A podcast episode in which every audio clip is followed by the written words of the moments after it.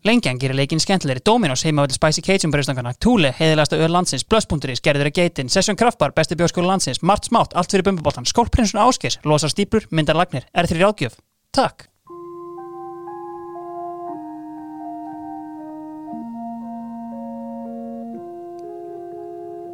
Svona var sumarið er fótboltahlaðvarp sem gafar ofan í hvert fótboltasumarið á fætur öðru, eitt í hverjum þætti. Hverjir sigra, hverjir tapa, hverjir hlæja, hverjir voru búinir að býða og býða og býða og býða. Þú ert að hlusta á Svona var sumarið 1999.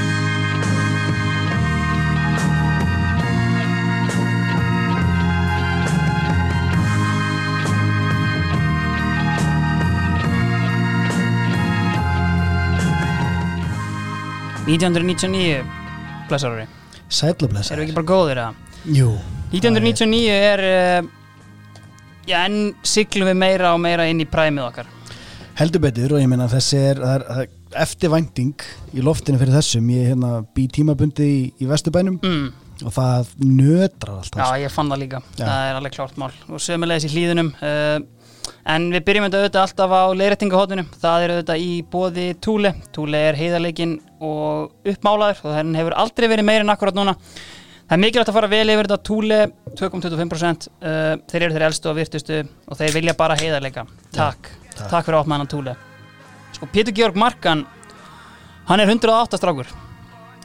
Þú varst að tala Ókei. um Nýfstalin Ha? og hérna Daðra er við vestfyrirna en, hann er bara malbygginu Já, hann er bara úr dalnum og hérna fósfarsdalnum og gæti ekki verið léttari með það. Sko, eh, ég fekk þetta frá Einari Guðna og hann sendi mér aðstofþjálfara Víkingsreikjaðugur Hann sendi mér líka sko það er að ég hef alltaf verið að ruggla með hérna markametið hjá Gumma Torfa. Já, rugglast á árum og svona. Hann sagði bara besta leiðin til að muna þetta er enga númerið hjá Gumma Torfa 1986 er til meiri kongur? Oh, ég held ekki. Herru, ég uh, mun allavega aldrei gleyma því hvað árið er. Nei, sko ég þarf eitthvað aðeins að endur sko mál mín, ég held hérna ég var svolítið að lobbya gegn Peter Ogaba hérna nýgerjumann sem kom til leiftur já, það er vægt til orðateki Sko uh, Ég, ég varst ennþá um hann eigi þess að 8 A-landsleiki mm, eða 8-10 yngri flokkanlandsleiki en hann er sett látin í dag. Hann lést Ok. okay. 2016 og þá hendi nú nýgeríska knatspindisambandið í frettatilkynningu þar sem þau sögðu meðal annars að hann var hluti af einhverju svona þekktu nýgerísku U17 liði þegar hann var 13 ára. Þannig að veist, jæja, þetta er alveg eitthvað. Undrabarn. Já, úst, og ég ætla alveg að gefa úst, mögulega var þessi sjónvarstöð ekki frændans að hérna, peppan eitthvað fyrir káar eða eitthvað svo leiðis en ég þarf allan aðeins að hérna, er smá tíma til þess að jafna þig já, ég þarf að gera það. Herðu, maður setti Rúslan Massajev nei, Nei, það er sett setni 19 ára Azerbaijan já, já, já, já, já. sem kom på skaga. Herðu, Maggi Bö hann var sett stattur á HM 2018 í Rúslandi ok. Herru, þá hoppar hann bara upp í leigubíl og þessi maður er að kynna nei, Jó, nei. hann bara sverða, hann rekur bara eitthvað hérna, geggjað hérna, leigubíla fyrirtæki hérna í Rúslandi, er í geggjöðu geimi og hann hefði ekki alveg fundið sér rétta andlit hérna á Íslandi en þetta er, sko maður er alltaf að tala um hvað Ísland er lítið land. Já, ég, bara, ég, ég var í sjokki að lesa þetta. Herru, þú myndist fyrir nokkrum þáttum á Erik Soler já, fyrrum tengdapappi hérna, fjóli. Fjóli. Já, hann á fleiri Íslandstengingar af því að hann var umbóðsmaður Heiðars Helgussonar heiða Sigurjóns? Já, Heiðar Sigurjónsson Neða, Heiðar Nei. Helgusson Nei, Sigurjónsson. Hann var með hann á sínum snærum Ok. og, og hann kom honum til Noregs og einmitt á þessu ári 99 þá er Heiðar sko kongurinn í Lilleström hann bara skorar og skorar og skorar og fær svona eitthvað upplifur svona eitthvað kulnun í starfi. Og, og, og þar basically bara svona tjekka sér inn bara og aðeins að kúpla sér út einhvern veginn og, svona vinna í andlega þættinum. Ok, og þar er Erik Soler að spila Hald- stóra rullu haldi utan um Já, bara ef það er, er hvað er að frétta heiðari sig? Eh, Við þurfum bara aðeins að skoða hans mál. Hann er bara aðeins að vinna í andlega þættinum. Þannig að Erik Soler og það hefur skilað sér, ég meina gæinn fór sér ekkert eðla langt. Nei, nei, Íslands vinurinn. Herru, uh, ég var svo sem ekki með neitt mikið meira. Það var enda ekki geggju saga sem ég fekk frá uh, varamark, einum af varamarkmönnum Vals 1999 Ok. hann var að tala um að ég myndist á sko, þú veist, bara, hversu mikil svona topp gæi Arnór Guðjónsson er. Emitt og það er auðvitað klipparinn gett ekki Sverrir Diego. Uh, valsmeistari og bara almennur höfðingi. Hann var sett einn af varamarkmönnum vals þarna, veist, hvað er hann, hann er 82 mótil, hann hefur verið 17 ára ok, kornungur. Já, meirum það á eftir. Hann saði allan að það var æfingaferð fyrir mótið Mm. og það er pókerkvöld. Og sveppurinn er þarna að standa sér helviti vel og hann vinnur þetta. Og hann á endanum slær út Jón Þorgrim Stefánsson. Hann er náttúrulega man of money og hann er ekki sáttur. Og hann er alltaf bara að vaða í sveppin og veist, það þarf hérna bjössi hreðast að stíga á milli og, og enda bara því að Arnór bara, herðu, guys, er, þetta er bara búið. Nú förum við bara upp á herbyggju og, og allir taka peningin sinn tilbaka. Engin vinnur. Nei, og Sverrir er svona, já, fuck it, ég er 17 ára hérna og þú veist, það á ekki mikið erindi í þetta. Herri, síðan kemur Arnór upp á honum. Sverrir, hvað, hérna, hvað mannstu mikið? Sverrir bara, já, já, 30 eurur eða eitthvað. Hann vann, ég menna, góð upphæð. Arnór, beint í rasvasan Við fyrir ekki að gera mál úr þessu. Hann bara borgaði vinningin Þetta er bara svona kantónamúf Því líkur kongur. Heyrðu, eitt sem er svona veit ég hvort þessi leiðrétting ég ætla á móli? Ok, jú, það er eina leiðrétting. Flott. Pappi potaði mig. Já, kemur á daginn. Hann var veislustjóri hann er svolítið eftir á að hlusta sko. Já, hann var veislustjóri á uppskjöruháttíðinu sem þú talaðir um í held ég 97 þættinum frekar 96 já, ég myndist á það En það var sagt, var það ekki loka hófi Jú, 96 þegar radíusbræðurnir Já. hérna fóru á kostum hérna Já, og pappi var veislustjóri þarna. Ok. og hann sagði að því að það var hérna, ég held að Gulli hafi, hvort hann hafi þóst ekki munan neitt en hann svona, kannaðist allavega ekki við neitt. Nei. En þarna fáum við að staðfest hann segir, jú, skagamennir gengu út, þeir voru reynda með gisting á hótelinu þannig að þeir gáttu farið eitthvað annað Gulli er svona hálfur rétt með þetta. Já, já. Og sagði sko, það grét hver einasti kjaftur í salnum og hlátri nema skagamenn og fórista KSI sem veslustjórin, hann sjálfur, deildi borði með. Ok. Og það var hart lagt á honum að fara upp á svið og stöðva atrið en hann matar sem svo að það hefði verið verri kostur heldur en að skagamenni myndi aðeins bregða þessi frá. En, mólin mm. heiðusgestir á lokahófinu þetta ár voru Sólvi Pétursdóttir sem var held ég dómsmálar á þeirra, dóms- og kirkjumálar á þeim tíma og einmaðurinnar sem nú er látin en hann heitir einmitt Kristinn Björnsson. Það er svo leis Og er hann, sko, er hann eitt á eftirtöldu? Ólasfyrðingur, Dalvíkingur eða bróðir alla viðars? Þetta er eitthvað sem við verðum að kalla eftir. Ég held að þetta sé sá fjórði eða fymti sko. Anskutin hafi það. Já, já, En það er þá komið með leiratingahotni já, Sko, krifum aðeins bara tíðarandan og hvar við erum og orri, ég held að við séum sko, ég er með okkur áttu hér oh, Ég held alltaf að þetta lag væri sko erlend já.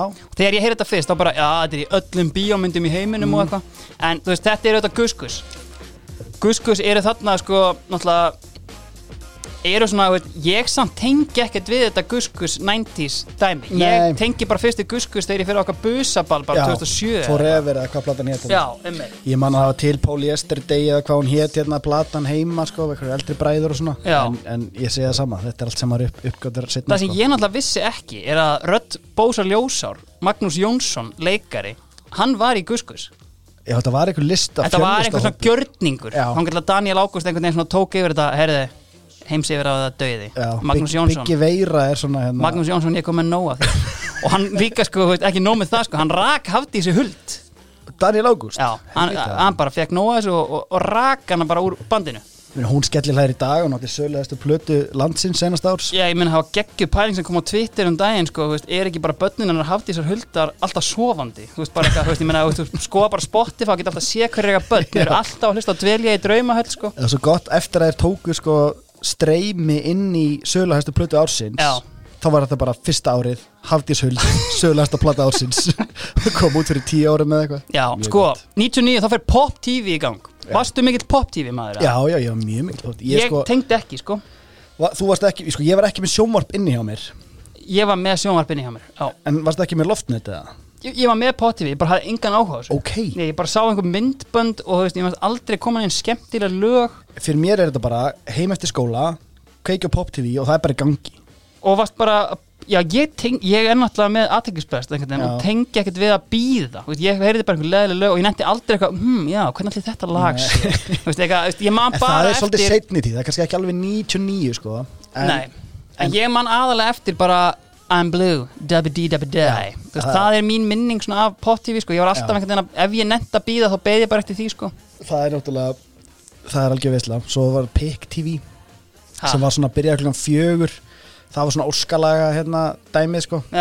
Og, og svo var náttúrulega 70 mínútur skiljur þetta er, já, já. þetta er heil kynslu sem, skil, sem skilgrinni sig faktist sem pop TV, Pop-TV kynslóðin. Ég myndi alveg kvittundi það sko. Já, ég kom sko seint á 70 mínúna vagnin. Uh, Þú veist Ég náði eiginlega ekki jóa til dæmis í 70 mínútum Ok, ég, ég, ég skil hann, þetta er ekki, ég náði honum ekki skilur, ég var ekki að catch his drift ég, ég bara man, ég, eiginlega kem inn bara þegar þetta eru auði sveppi og simmi sko. Fyr, fyrir mér er sko það allra fyndnasta sem að hefur komið í 70 mínútum var hérna það sem gerði alltaf Simmi og Jói sem var kvikmynd kvöldsins Já, döbbuðu Já, döpuð bara eitthvað trailer og þú veist, þá er ég bara akkurat í húmórnum ég meina ég er 9, 10, 11 ára og það Já. er frábært hjá þeim að geta skemmt þeim aldrei, þú veist Já. með þessu meina þetta, hérna. en það sem að mér finnst kannski svolítið áhugavert í þessu og ég velti fyrir mér það er ótrúlegt hvað sömu náungarnir hafa ílengst og okkar kynnslóð hefur svolítið haldið þeim á lífi Já, í já. fjölmiðlum alveg endalust, ég meina þetta, þetta er svona það er hægt að færa rauk fyrir því að sami hópur sé með vinsalasta útastátt landsins. Já, já, bara klárt mál. Og, og, hérna, og ég veldi fyrir mér hvort að það sé eitthvað svona að fara að æra okkur eins og þeir ærðu fóreldra okkar sko. Já, þú veist hvort að hérna, það sé í rauninni kynslu sem er að fara að halda einhverjum öðrum já, gangandi eftir 20 ára eða eitthvað hvort Já, að æra verði mig. komið með skalla. Já, einmitt. Sko, ég er náttúrulega harðast í plótir maður landsins þannig að ég mun ekki ærast eins og pappi minn er að ærast á Nei það er þá hérna- einhver ennþá yngri kannski ég meina, Já, þú, já, þú ert kannski of nálagt Plóter í aldri bara til Já, þess að- og náttúrulega plótir í geitin Já, já, fyrir utan það náttúrulega. Já, Ég- herru, sko, okkar menn. Túle. Vá. Nú lágu Danir í því. Mást þetta því það? Túle var náttúrulega Já, með já, geðveika auglýsingaherferð þar sem þeir voru með tvo Dani Já, eitt spik feitan og eitt svona alvöru Dana sem er alltaf að skýtu að kaffihúsinu með bjór og síkó. Og var alltaf að tala dönsku og alltaf að hrósa Túle. Já. Ég fann viðtal við þá í fókus auðvita fór mikki torfa til Danmerkur bara og pann þá. Og sko þá var sko hérna þykkigægin uh, hann var svona meira svona já, veist, hann var svona a, veist, a proper man, veist, bara einhvern veginn svona á meðan á meðan hinn var bara nákvæmlega eins og hann leit út fyrir að vera. Einhver bara svona algjör bauni eins og mikið torfa kallaðan og veist, hérna en, veist, mjög, neitt, ég man aðalega eftir sko einhvern veginn alltaf nú lágu danir í því. Sko, það- Túle það sem ég gerði svo, sko, 2,25%. Nei, það sem þeir gerðu svo, þeir lendu hérna í mannrétt upp á kant við lögin og voru þessast dæmdir fyrir að vera auðlýsa bjór. Já, og þá byrtuðu sér bara auðlýsing í kjölfarið þar sem þeir voru bara með teip fyrir munnin. Bara danirnir sögðu ekki orð en allir vissu hvað var auðlýsing Já. mér fannst það alltaf svo gæðilegt sko. Já, mér fannst líka ef við tölum um þessar bjórauðlýsingar sko, veist, það var, það geðvegt sem ég tók eftir að horfa eitthvað vídeo hérna frá eigavellinum, Já, þá voru þið með sko, ég man ekki hvað bjór þetta var, en hann var á svona skilti utan, fyrir aftan annar markið já. og það stóð umbóðið ek, ekki léttöl við erum bara að auðlýsa umbóðið ég veginn já, ég veit ekki hvort það flög sko eða hvernig það fór sko. Fólk hefur náttúrulega farið ímsar leiðir í þessu. Nei, sko ef við förum aðeins yfir líka bara stemminguna sko strippstaðir. Já, þeir eru, þú veist það er hérna, talað um sko hérna nektarkóngana einhverju sjö gaurar sem að eiga sjö strippstaði. Sjö strippstaðir á Íslandi. Það er náttúrulega, geiri er náttúrulega geitin en, en það á hérna, man ekki hvað hann hét. En sko, ég man bara eftir því Óðal, Þórskaffi. Óðaleg fyrsti staðurinn en ég man svo skýrt bara eftir því að ég fór ekki oft með fóreldurum mínum niður í miðbæ. Veist, það var bara svona eitthvað sem ég gerði eiginlega aldrei af því að pappi hatar að finna stæði og, svona, bara, veist, og alltaf því ég fyrir með mömmu minni niður í bæ en já, ennþá þegar ég fyrir með mömmu minni niður í bæ þá er alltaf sko þú veist, sama þó við séum að fara sko á Ingólstorg, bara eitthvað, leggjum við ekki bara hjá yðinskólanum en já, veist, allavega veist, það, veist, bara Vegas það sem að, ég veit ekki hvað er hann í dag þú veist, var bara flenni stórt svona, þú veist, LED-skilti eða svona, þú veist, svona Frakkastíknum eða eitthvað eða eitthvað já, á já, já, á frakkastíknum það sem að Ground Zero var Einmitt. þú veist, þetta, þetta var bara svona stærsta þetta svona æfti á þig og bara svona New York skilti bara Vegas þetta- var þetta Já, já, já. já, já. og þú veist, síðan er bara, veist, ég sá hérna veist, bara sigurvegar í erotískri strippkeppni hérna, hún fæ bara heilsíðu í fókus bara, já, ég, veist, eitthvað og við talum mömmennar, þetta er bara eins og player profile á íþróttamanni ársinn, sko. En þetta var alveg stemmingin og veist Grettan sem við erum búin að vera að tala já, um hún, er, já, já, hún er áþreifanleg. Já, sko, box.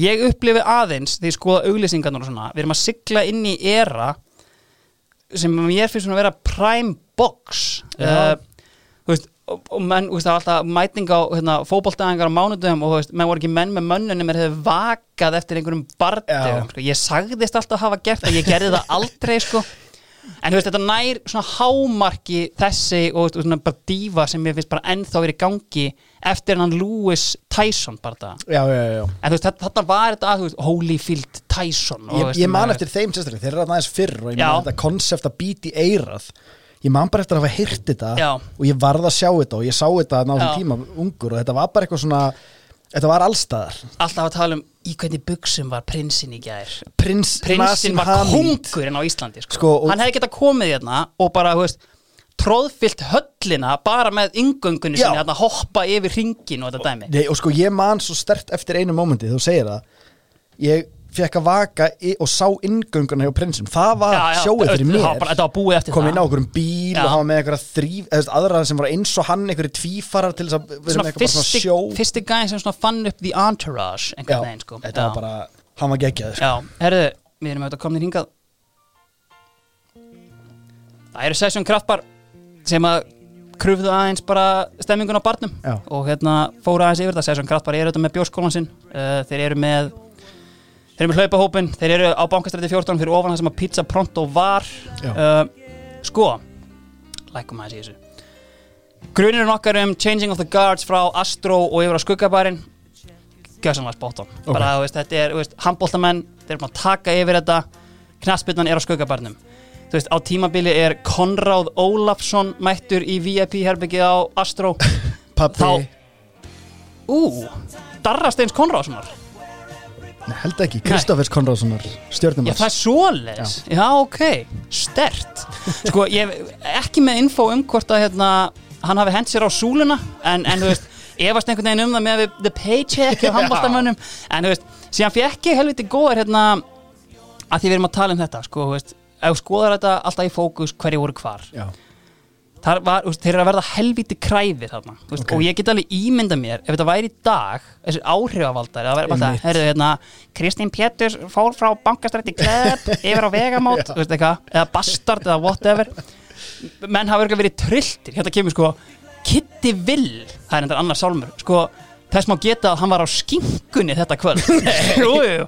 og ekkert meir um það, Nei. þá við erum bara að vita hvað það þýðir. Og líka bara ef maður pælir í svona veist, heimildar, heimildinni sem þetta er þú veist, hver í anskotanum með Kitty Will ég er eitthvað að lesa þetta 20 árin setna og ég bara, þú Ég held að vera að fara að segja mig hvað hann væri Nei, ég hef ekki hugmynd hver þetta er og það er ekkert, þeir eru mikið að vinna með sko eitthvað, þú veist, eins og það er Heimi Guðjóns er að mæta skuggabærin, Heimi Guðjóns ex-Káer Það er ekki eins og að tala um hvað hann gerir í dag? Hva, bara hvað hann var þekktu fyrir sko. Já, já, já. þú veist, bara uh, Kristján Finnbóðsson, ex-Ía og bara eitthvað, þú veist, ex-Mono þú veist, eitthvað,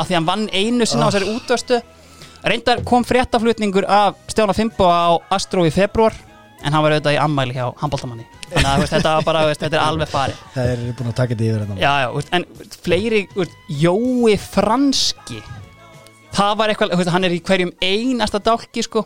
Okay. og Þetta er eitthvað svona hérna, Siggi, Jón, já, Siggi Jóns spilakassa eigandi Ekki því Siggi Jóns. Nei, ég, ég varst um að hann eigi spilakassa. Já, og síðan sko, það sem ég varst líka sko, Gaugur og tvíburarnir. Hvað í fjandanum er í gangi? Er þetta persónu og leikundur á jamminu bara? Þetta er bara upptalninga fólki. Á skuggabarnum voru Á Astro voru Gummi sko. Ben mætti aftur á Astro á lögadeginum En síðan sko að því við vorum að tala um Bugsy Malone síðast að þetta Við myndum sannlega bara á geitina, Grím og aðeins á Jónmund og hérna Álruna Ördnóls Það voru miklu fleiri í þessu. Ég fekk nefnilega hérna skilabó frá uh, Sigurði Pálma Sigurbjörnsinni uh, Hagköps sinni og, eða bara svona erfingja og, og kongur. Sko, viðbótur upplýsingar um Bugsy. Halla Vilhjálms og Unnurbyrna voru dansarar. Já, Davíð, reitstjóri Karvan.is var Fat Sam. Það voru bara, hú veist, Eftirsóknarvert hlutverk. Já, svo var hérna, spin-off og hérna, hú veist, þá átti svona, hú veist, herja bara því menn sáu bara er, grímur er kongurinn hérna. Og það átti bara herja á hann platan ný kliftur gefin út og ég er auðvitað að fá þetta frá manninum sem var laurugli þjóttin O'Dreary. En hann var í þessari sýningu líka sko. Ok. Ég- Mér rámar í þessa plötu. Já. Svona grímur var bara kongurinn Já, hann var alls staðar. hann var allstaðar, ég man meiri segja eftir svona svipuðu dæmi og með erotíska strippar svona player profile á grími það sem var bara eldur í leikfimi í grunnskóla og okkar, það var bara ótrúlega sér spurði ég hann bara, hvernig var veist, okkar maður, Balti veist, með börnin, ég spurði bara, var einhver afsláttur hérna? Nei, engin afsláttur helviti vandað. Og hann let svo lítið sem ekkert sjá sig eftir frumsýningu. Dálítið rinse and repeat og orðið frekar þreytt í lokin þegar 11-16 ára krakkar eru búin að taka 50 sýningar hverja einustu en síðan sko sagði hann við mig sko, varðandi hérna Session Kraftbar. Veist, Kraftbar? Nei, veist bara varðandi uh, stemminguna á barnum Já, já, já, þetta eru bara krakkar en þetta skilar þeim samt í því bara Siggi Pálmið er bara mættur hérna á kaffibarinn. Afsakið, já, fremst í röðina. Bara Já. 16-17 ára. Og hann var að tala, þú veist, hérna um er meira hérna sem að förum yfir þetta setna bara, þú veist, að er, er nóa hérna, hann gaf okkur góða dítela um, hérna, um barina og annað. Sko, bíllinn hans Mikael Sjúmakers hann kom til Íslands, hefur einhverja minningar af því eða? Nei, ekki, ekki þessum tíma sko. Ég var náttúrulega mikill mega hakkirinn maður Þannig ég hef kannski sniðgengið þetta bara. Já, ég er náttúrulega sko Þú ert típiskur Ferrari maður. Það er bara, þú heldur með Manchester United Og þú heldur Ferrari maður. Ég held að þetta sé, bara haldist hönd í hönd Bara hjá öllum frá þessum tíum, tíum Frá þessum tíumbili Já, ólistaði fyrir 957 Það er í rauninni bara hérna Óla Þóruðar uppskriftin. Já, ég var náttúrulega, þú veist Formúlan eru auðvitað að ríða húsum. Já. Ný- Trulli. Giancarlo Fisichella. Jacques Villeneuve. David Coulthard. Já, ég var að fara að taka hann Eddie Irvine, Rubens Barrichello Rúben, oh, fuck. Já, veist, þetta, veist, ég, veist, ég nefndi aldrei að horfa á þetta Fysikella, sorry en, já, Ég, hérna Ég nefndi aldrei að horfa á þetta og, veist, og ég er svona einhvern veginn skil ekki menn sem er í dag eitthvað bara búin að kveika á Netflix og eru veist, bara eitthvað balls deep í þessu sko. En Þetta, er sko, hefur, þetta eru rugglaði þættir Já, ég bara, ég, ég hef, ég, ég, sko, ég man bara því ég kveikti á þessu, ég byrjaði að horfa, ég fann það eftir svona tíu mínútur, ég er að horfa á þetta fyrir einhvern allt annan heldur en sjálfa mig. Já, Þú veist, það var bara svona algjört bara, veit bara, eða ekki já, gerði það ekki. Herri, Kíó Briggs, Já, okkar maður, Er þetta, er þetta, er árið. Uh, sko, ég man svo vel eftir þessu, hann var hérna í endalösu gæsluvarhaldi, ég trúði hann. Ég var alveg á Briggs vagn, ég Er- skildi ekki hvað við vorum að gera hérna. Er, þetta- er eitthvað farið yfir þetta í náminu eða? Þetta mál? Já, þetta, er- þetta er stone cold case. Maður eiginlega skilur ekki sko, einhvern veginn hvernig hérna, hvernig er komist að einhverju annar, hann er, alltaf með, hann er með stjörnulagfræðinga teimi Nei, það segir mér aðeins frá þessu því ég, hann raunverulega alltaf bara þekki bara kemur nafnið sko. hérna sko, ég voni fara ekki með náttúrulega hann bara kemur hérna bara í töskun hans er bara bílfarmur af vetöflum Ok, og hann bara segir planted. Bara, Ah. ég á ekkert í þessu. Og, bara, og það er bara hans saga í gegn og bara náttúrulega algjörlega hörð neitun það er alveg svona einhvern veginn en, en veist, þetta er í töskunan sko. Veist, en síðan náttúrulega er hann bara tekin veist, með næsta flugi bara í Danmörku sko, og bara, Já, já, veist, já. þá bara, heyrðu, kallir menn þetta er búið mál. Herru, ert þú með eitthvað? já, ég kíkti á hérna það, Svo gaman ef þér um daginn þegar þú varst á hlöðin að Ég- skoða gömul blöð sko. Já. Ég langaði að prófa það Já, veistla. Já, þannig ég kíkti aðeins á, á, á hlöðina og fór að fletta þarna nokkur blöðum Ok, uh, Fór í og hirtið býta eins hlustendur hér kannski að ég er að halla mér undir flat Já. Ok, Sko, þarna ég, ég var bara svona að fletta fyrir fyrirsagnir og við erum náttúrulega hrifnir af hérna stöðlun já, já, og ég tók eiginlega bara stöðlanir ok. Og fyrsta sem að ég hjó eftir var Pamela þekkir perra. Og það einhvern veginn svona já, ég svona það var áhugavert. Já, en svo var þetta bara eitthvað Mike Perra, þjálfari Ah. blagliðs Káa á Akureyri æfði blag með Pamel Andersson í gamla daga. Já, já. Það er alveg satt, ég þekki Pamela ég þekkt hana sko, var eitthvað svo kvot í hana það var alveg ömulegt sko, alveg hrikalegt. Eitthvað bæði Kanadamenn og eitthvað. Já, svo, svo var sko ég eila þú veist, maður er inn á lesstofinni Já, og maður hérna, er mjög meðvitaður um öll búkljóð og svona. Mm. Og ég dó hlátir að nýtt skiptið þar sem ég bara svona, ég gæti eiginlega haldið feysi en það var hérna fyrir svona fjall fyrir funa. En það var það var sko hárgreislu meistarinn Mjöll Danielsdóttir breytti hesti í blondínu.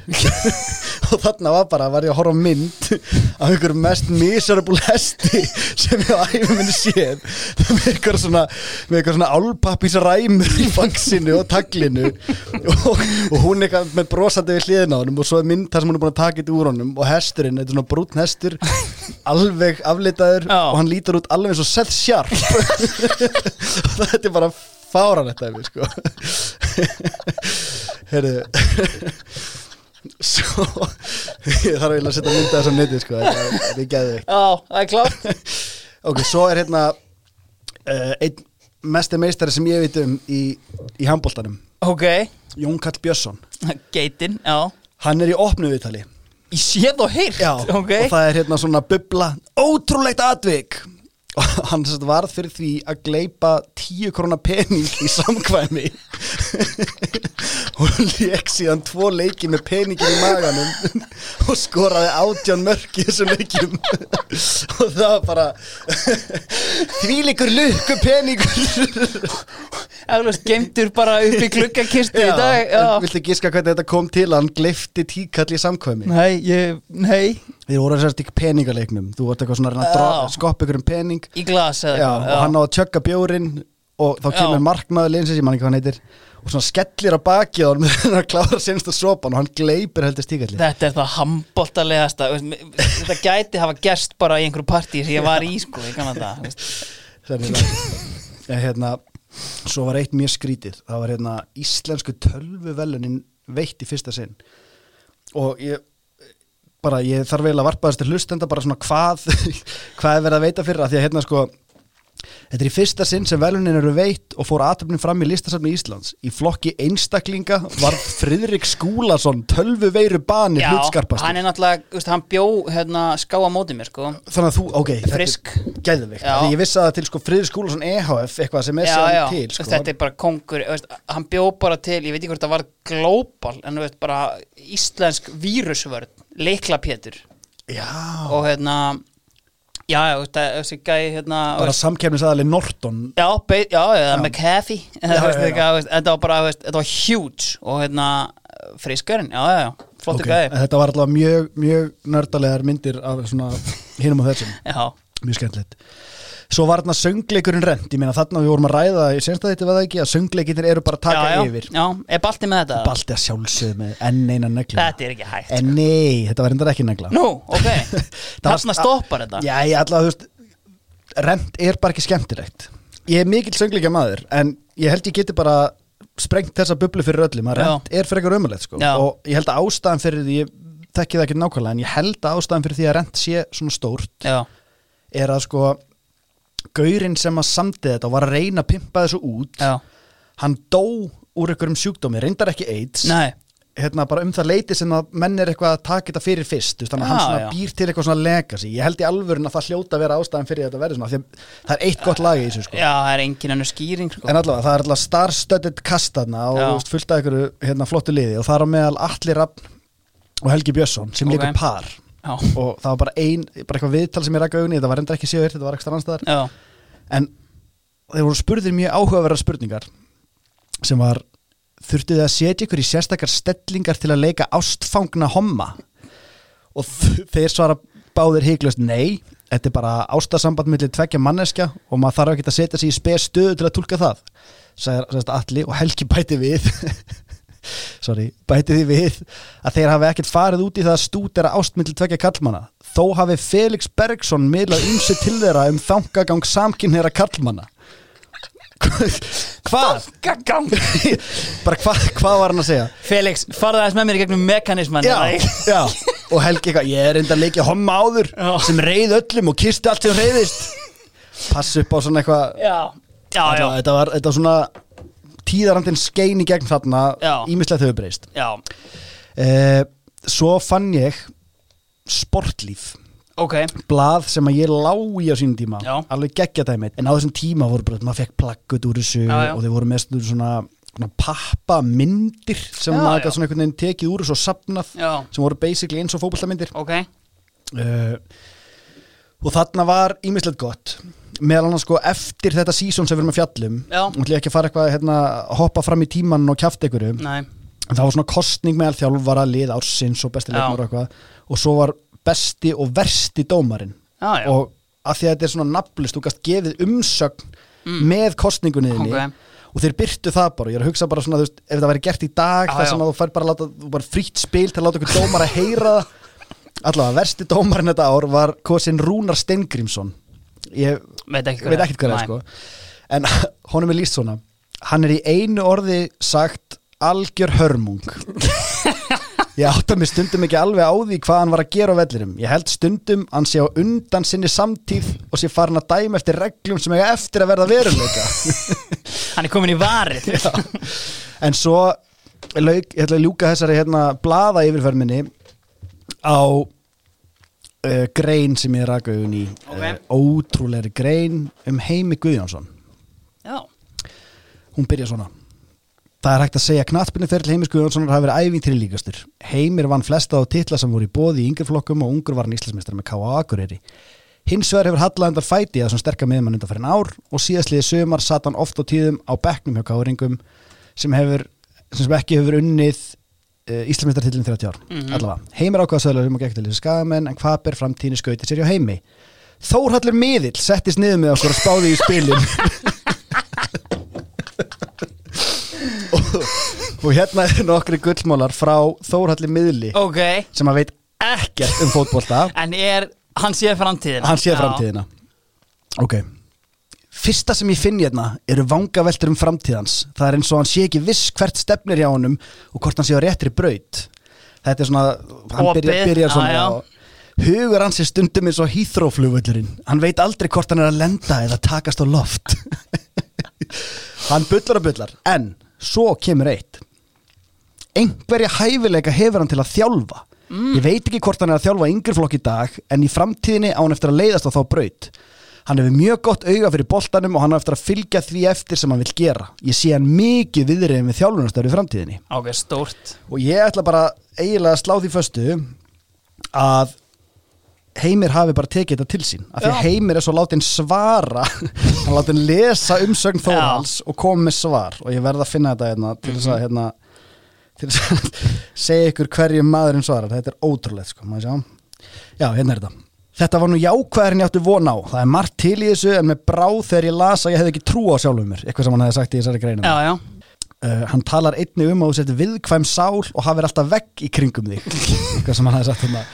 Og Heimir svarar er ekki allir íslenski kallar þannig hangur til á tólta glasi maður hefur heyrt svona frasa aður sko, tólta glas er svo ógeðslega mikið þetta lagt, minnir maður sko, ég var að horfa á Some Kind of Monster hérna, Metallica heimildamindina það sem að Lars Ulrik talar alltaf um sko að James Hetfield er með veggi í kringu sig þangar til á fertugast og öðrum bjór það er bara Heimir Guðjórs og James Hetfield eru sami maður en að einhverju leiti sko. já, en hann allavega staðhæfirinn í lókinan Heimir að hann sé fljótasti leikmaður skagans á þessum tímapunkti það getur ekki verið og það svona, þótt víðar væri leitað Já. sagði fyrrum þingsti miðjumæður Íslands að lókum þetta er grein já. þetta var, þetta var mjög steikt af mér ég ætla að taka leiðréttinga á þessu grein sko. Já. Heimir Guðjóns var alls ekki Íslandsmeistari með káa en hérna, ég meina það er bara Þórhalli miðill veit ekkert um fótballtakarinnlega nei, Heyrðu. herri, já það er aðeins meira sem langa að fara yfir hérna. ok, uh, myrkrahöfðingin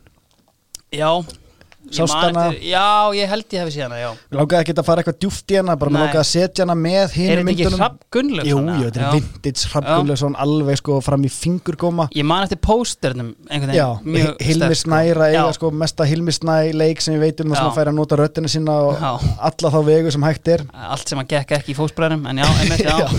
en svo hérna bara ástæðan fyrir mig langar að nefna er að við erum svolítið búin að vera að taka fyrir myndir sem að falla í kategoríuna sko, myndir sem ég sá of ungur. Já. og hún fer þanga fyrir mig sko.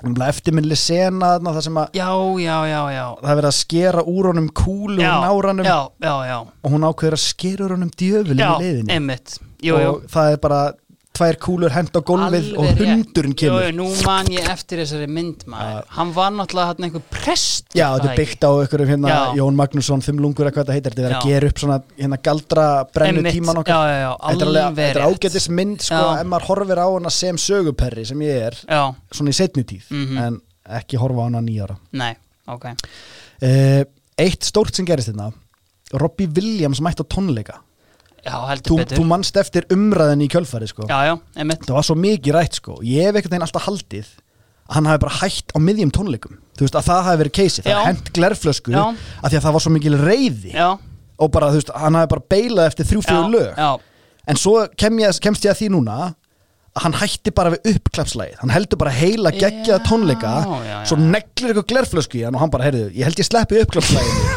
og við hættum bara urðið yfir hann í Já. svona fjögur ár Já, já, eftir þetta og ég já. bara verð ég verð að taka upp hanskan fyrir Robbie Williams og segja við erum ruslaralíðurinn já, já, hann, hann, hann var í fullum rétti. Já, já Ég man líka, hann fokkaði á hérna, hann fokkaði á bladamenn þegar hann mætti með engaflugulinn Já, ó, rockstjarnar Getum við please tekið Robbie Williams í sátt aftur og hætti að vera svona mikil smámenni. Já. Heyrðu, Eitt Pottþétt plötur. Ok, já, Áttiru, áttiru einhverja svoleiðis?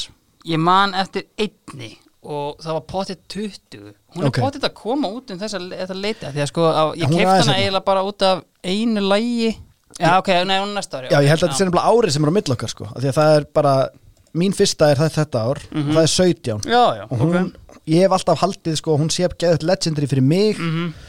og hún var sko rosaleg við erum að tala um Lou Bega Mamba Já, No. já. 5, við erum Já. að tala um Ricky Martin Livin La Vida Loca, við erum að tala um Britney með sitt besta lag Mm. Backstreet Boys I Want It That Way FL65, Já, já. I'm Blue og þetta er bara, þetta er ótrúlegu gripur Mm.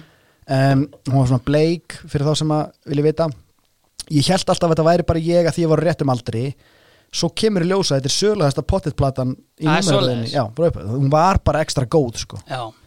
En hérna, svo sem ekkert meira en það að segja ég átti 18 og 19 líka og það Já. var svona voru geituna fyrir mér og ég held í alveg að þetta hafi bara verið ég hafi bara verið svo heppin að lifa akkurat toppin á pottittinu sko. já, já, emmi Þetta kom náttúrulega út sko fram, ég held að það verið 40 og eitthvað Já. sem- þetta, var, þetta var ennþá verið gefið út bara eftir iPodin var með þess að stóra og ég man bara hvað ég hugsaði eitthvað um einhverjum tíma, bara hvernig, hvaða hvaða Heyrðu, endum þetta á Júrú Ok, ég er hérna orðin bara mjög hungraður í það eftir, eftir pásuna en þetta er 99 sko, það er ennþá ekkert peningu fyrir undakefni Ok, þannig að það er bara þó að menn hafi sko sparað í heilt ár já, en eh, eins og við höfum komið inn á þá eru söngleikir geiturnar já, já.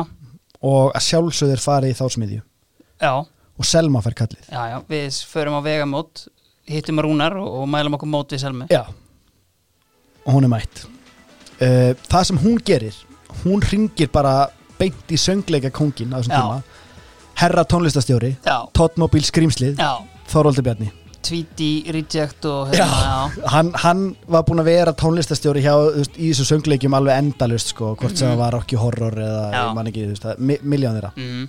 og hann basically raðar upp fyrir hann að bangirum Ég sá nefnilega, ég sá þetta sko hann, hérna, hann segir einhverja, já ok, jú, jú, ég er nú til í það Já, já. Ég samti fyrir hann að 20 lög Hæ? Já, bara hendi í tutu Hendi lög bara í pott í að Þorvaldur Bjarni og hún, hún velur þetta rugglaðalega sko.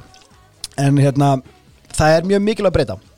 Af því að Eurovision, eins og við komum inn á held ég 97, þetta er hægt og bítandi að færast yfir nútíman það er stórt skref stíði 99 tungumálafrelsi. Já, já, einmitt.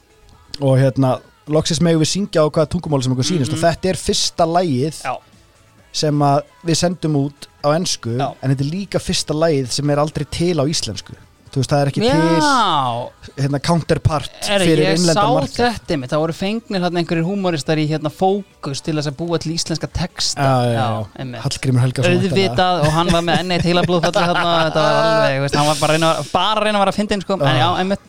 En sko, það, það, ég man mjög skýrt eftir þessu Eurovision. Þetta er fyrsta Eurovisionið sem ég svona man það er eftir mitt líka, já. svona uh, meira heldur en bara einhvern veginn Íslandi á sviðinu. Sko, má ég koma að gegja það sögu? Já. Ég var nefnilega upp í sumabústað með fóreldri mínum á, sko, veist, þetta var ekkert eitthvað svona sumabústað lóð, þetta var bara svona hús á einhverju jörð.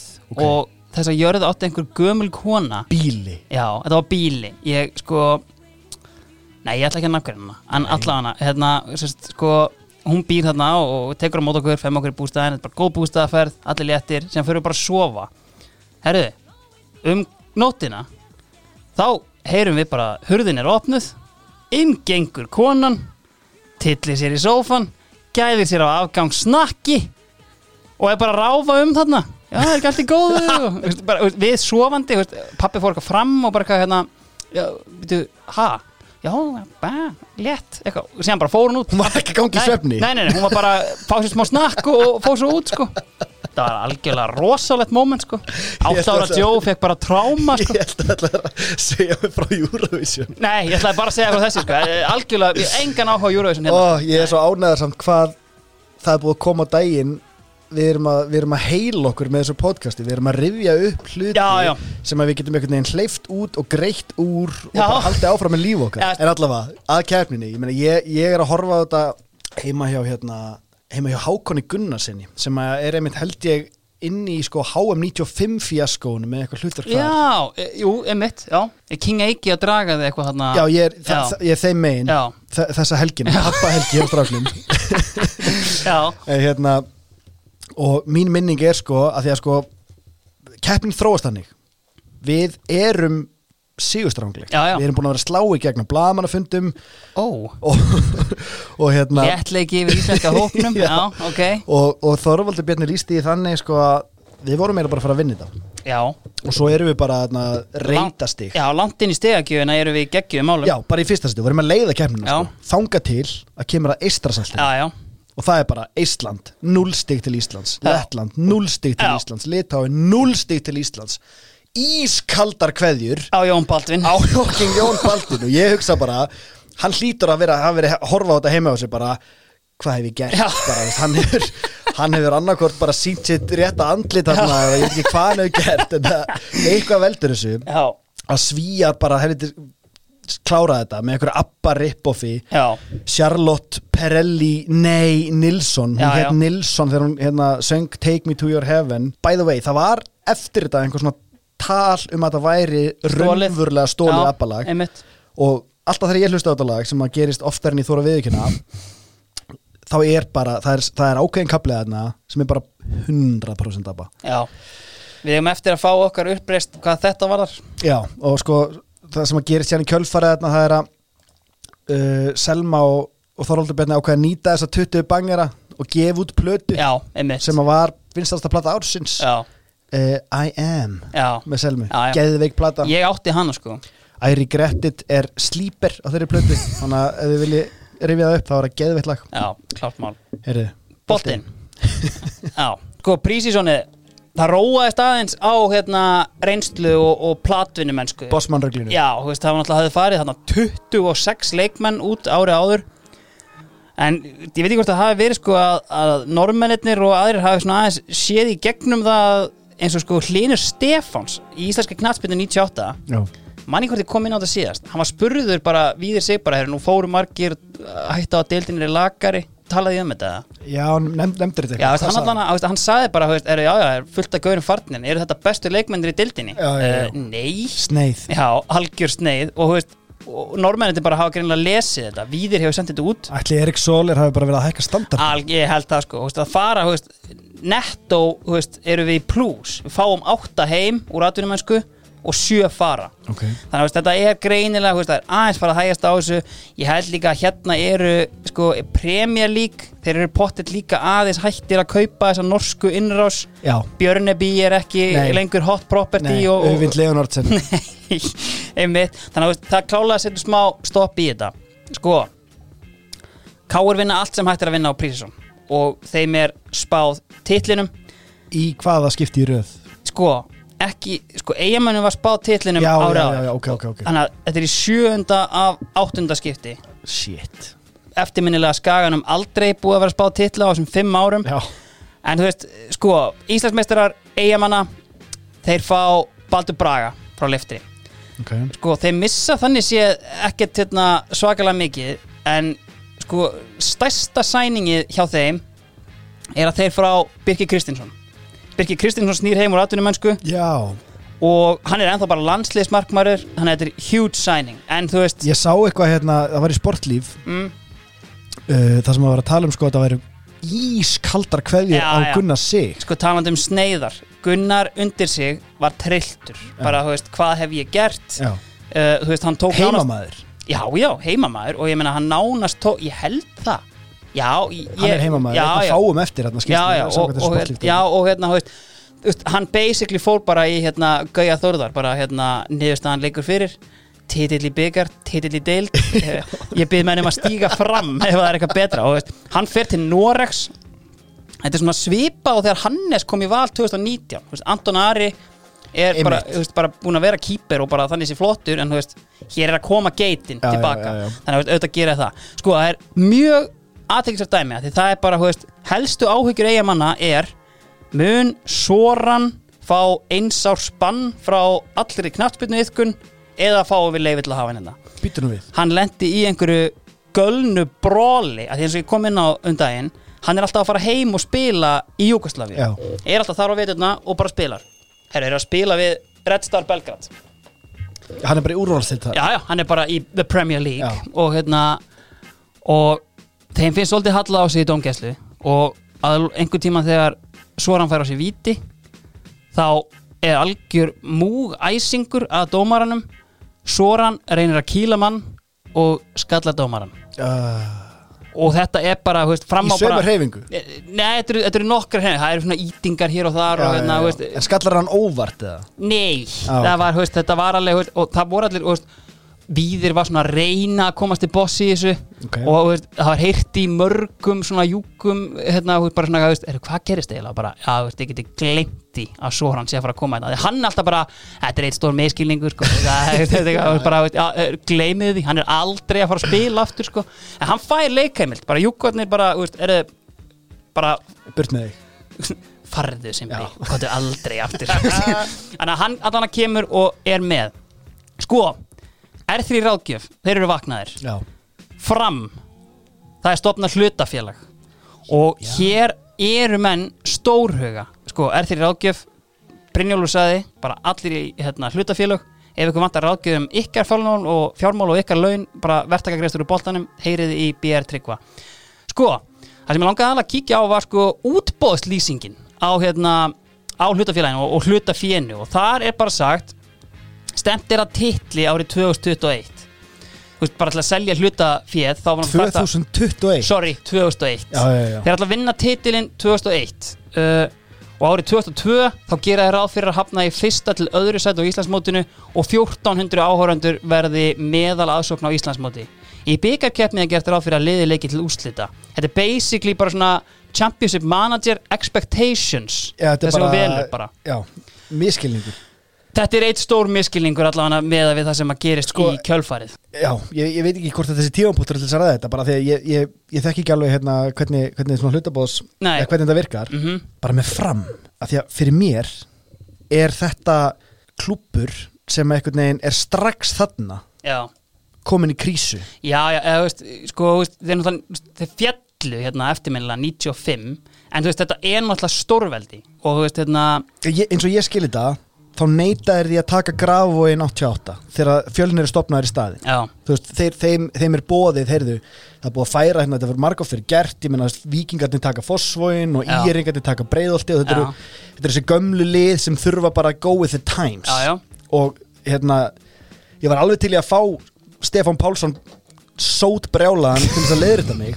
En eins og ég skil þetta þá er þetta lið sem að neytar svona tilfæslum aftur og aftur og aftur og aftur þangað til að taka úlfóðstæðalinn loksins komnið með bakið fyrir vegg. Já, það bara hljóma fyrir mér eins og þetta því ég, ég áttaði mikið á því að þetta væri byrjað einhvern veginn svona snemma. Þetta er bara eitthvað svona þeir tala allan ekkit um þetta í hérna í sko útbóðslýsingunni að það séu neinar færslur, þeir eru bara að tala um að þeir eru að vera seld, seldur verður eitthvað higmaður til Þýskalands það er bara markmið. Já, já, þú veist, þetta er bara, veist, svona verður þetta, skilur veist, hver hefur keift í þessu? E, veist, allavega, veist, en þeir eru mjög stórhuga og þeir sæna og sæna og sæna. Ok, Fyrsti maður sem þeir fá, sendi herra Íslands á Nýja Sjálandi Sæfa Pétursson, hann kemur í lið. Heimkoma Steinas Guðgeirssonar Gæði sem hafa verið Íslandsmeistari í IPF ári áður. Ok. Annar mann úr eigum Sigurvin Ólafsson. Hann Ok. kemur, ég myndi segja að það væri svona marquee, ja, nei, það er ekki marquee sæning býta það Málið var að Venni hafði fótbrotnað árið áður sem ég glemt að fara yfir. Hann fótbrotnaði ekkert bara vennilega Hann var á lundaveiðum. Með Gunnari Berg Viktorsinni og Ólafi Stefánsinni Ha?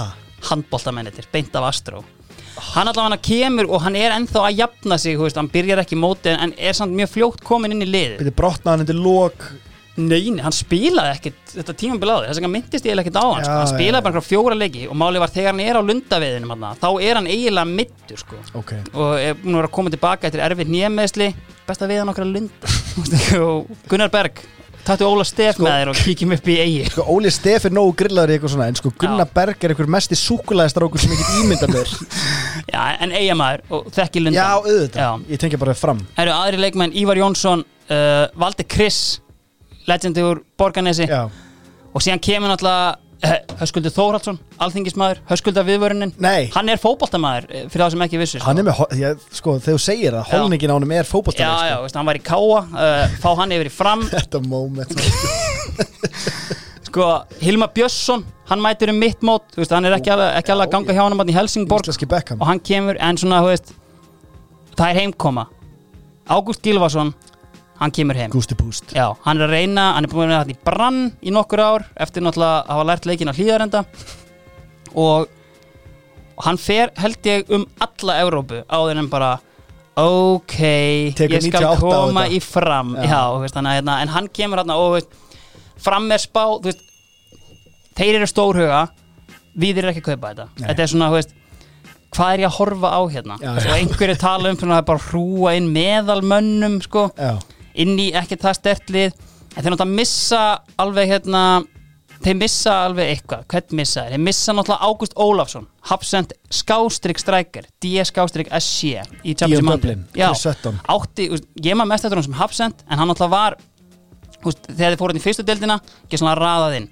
Hann þarf að leggja skóna á hillina vegna brjóskloss en Ágúst var auðvitað íþróttakennar á þessum tíma og það er mjög erfiður árgangur sem byrjar hætt í hlýðaskóla og hann er stanslust að beigja sig.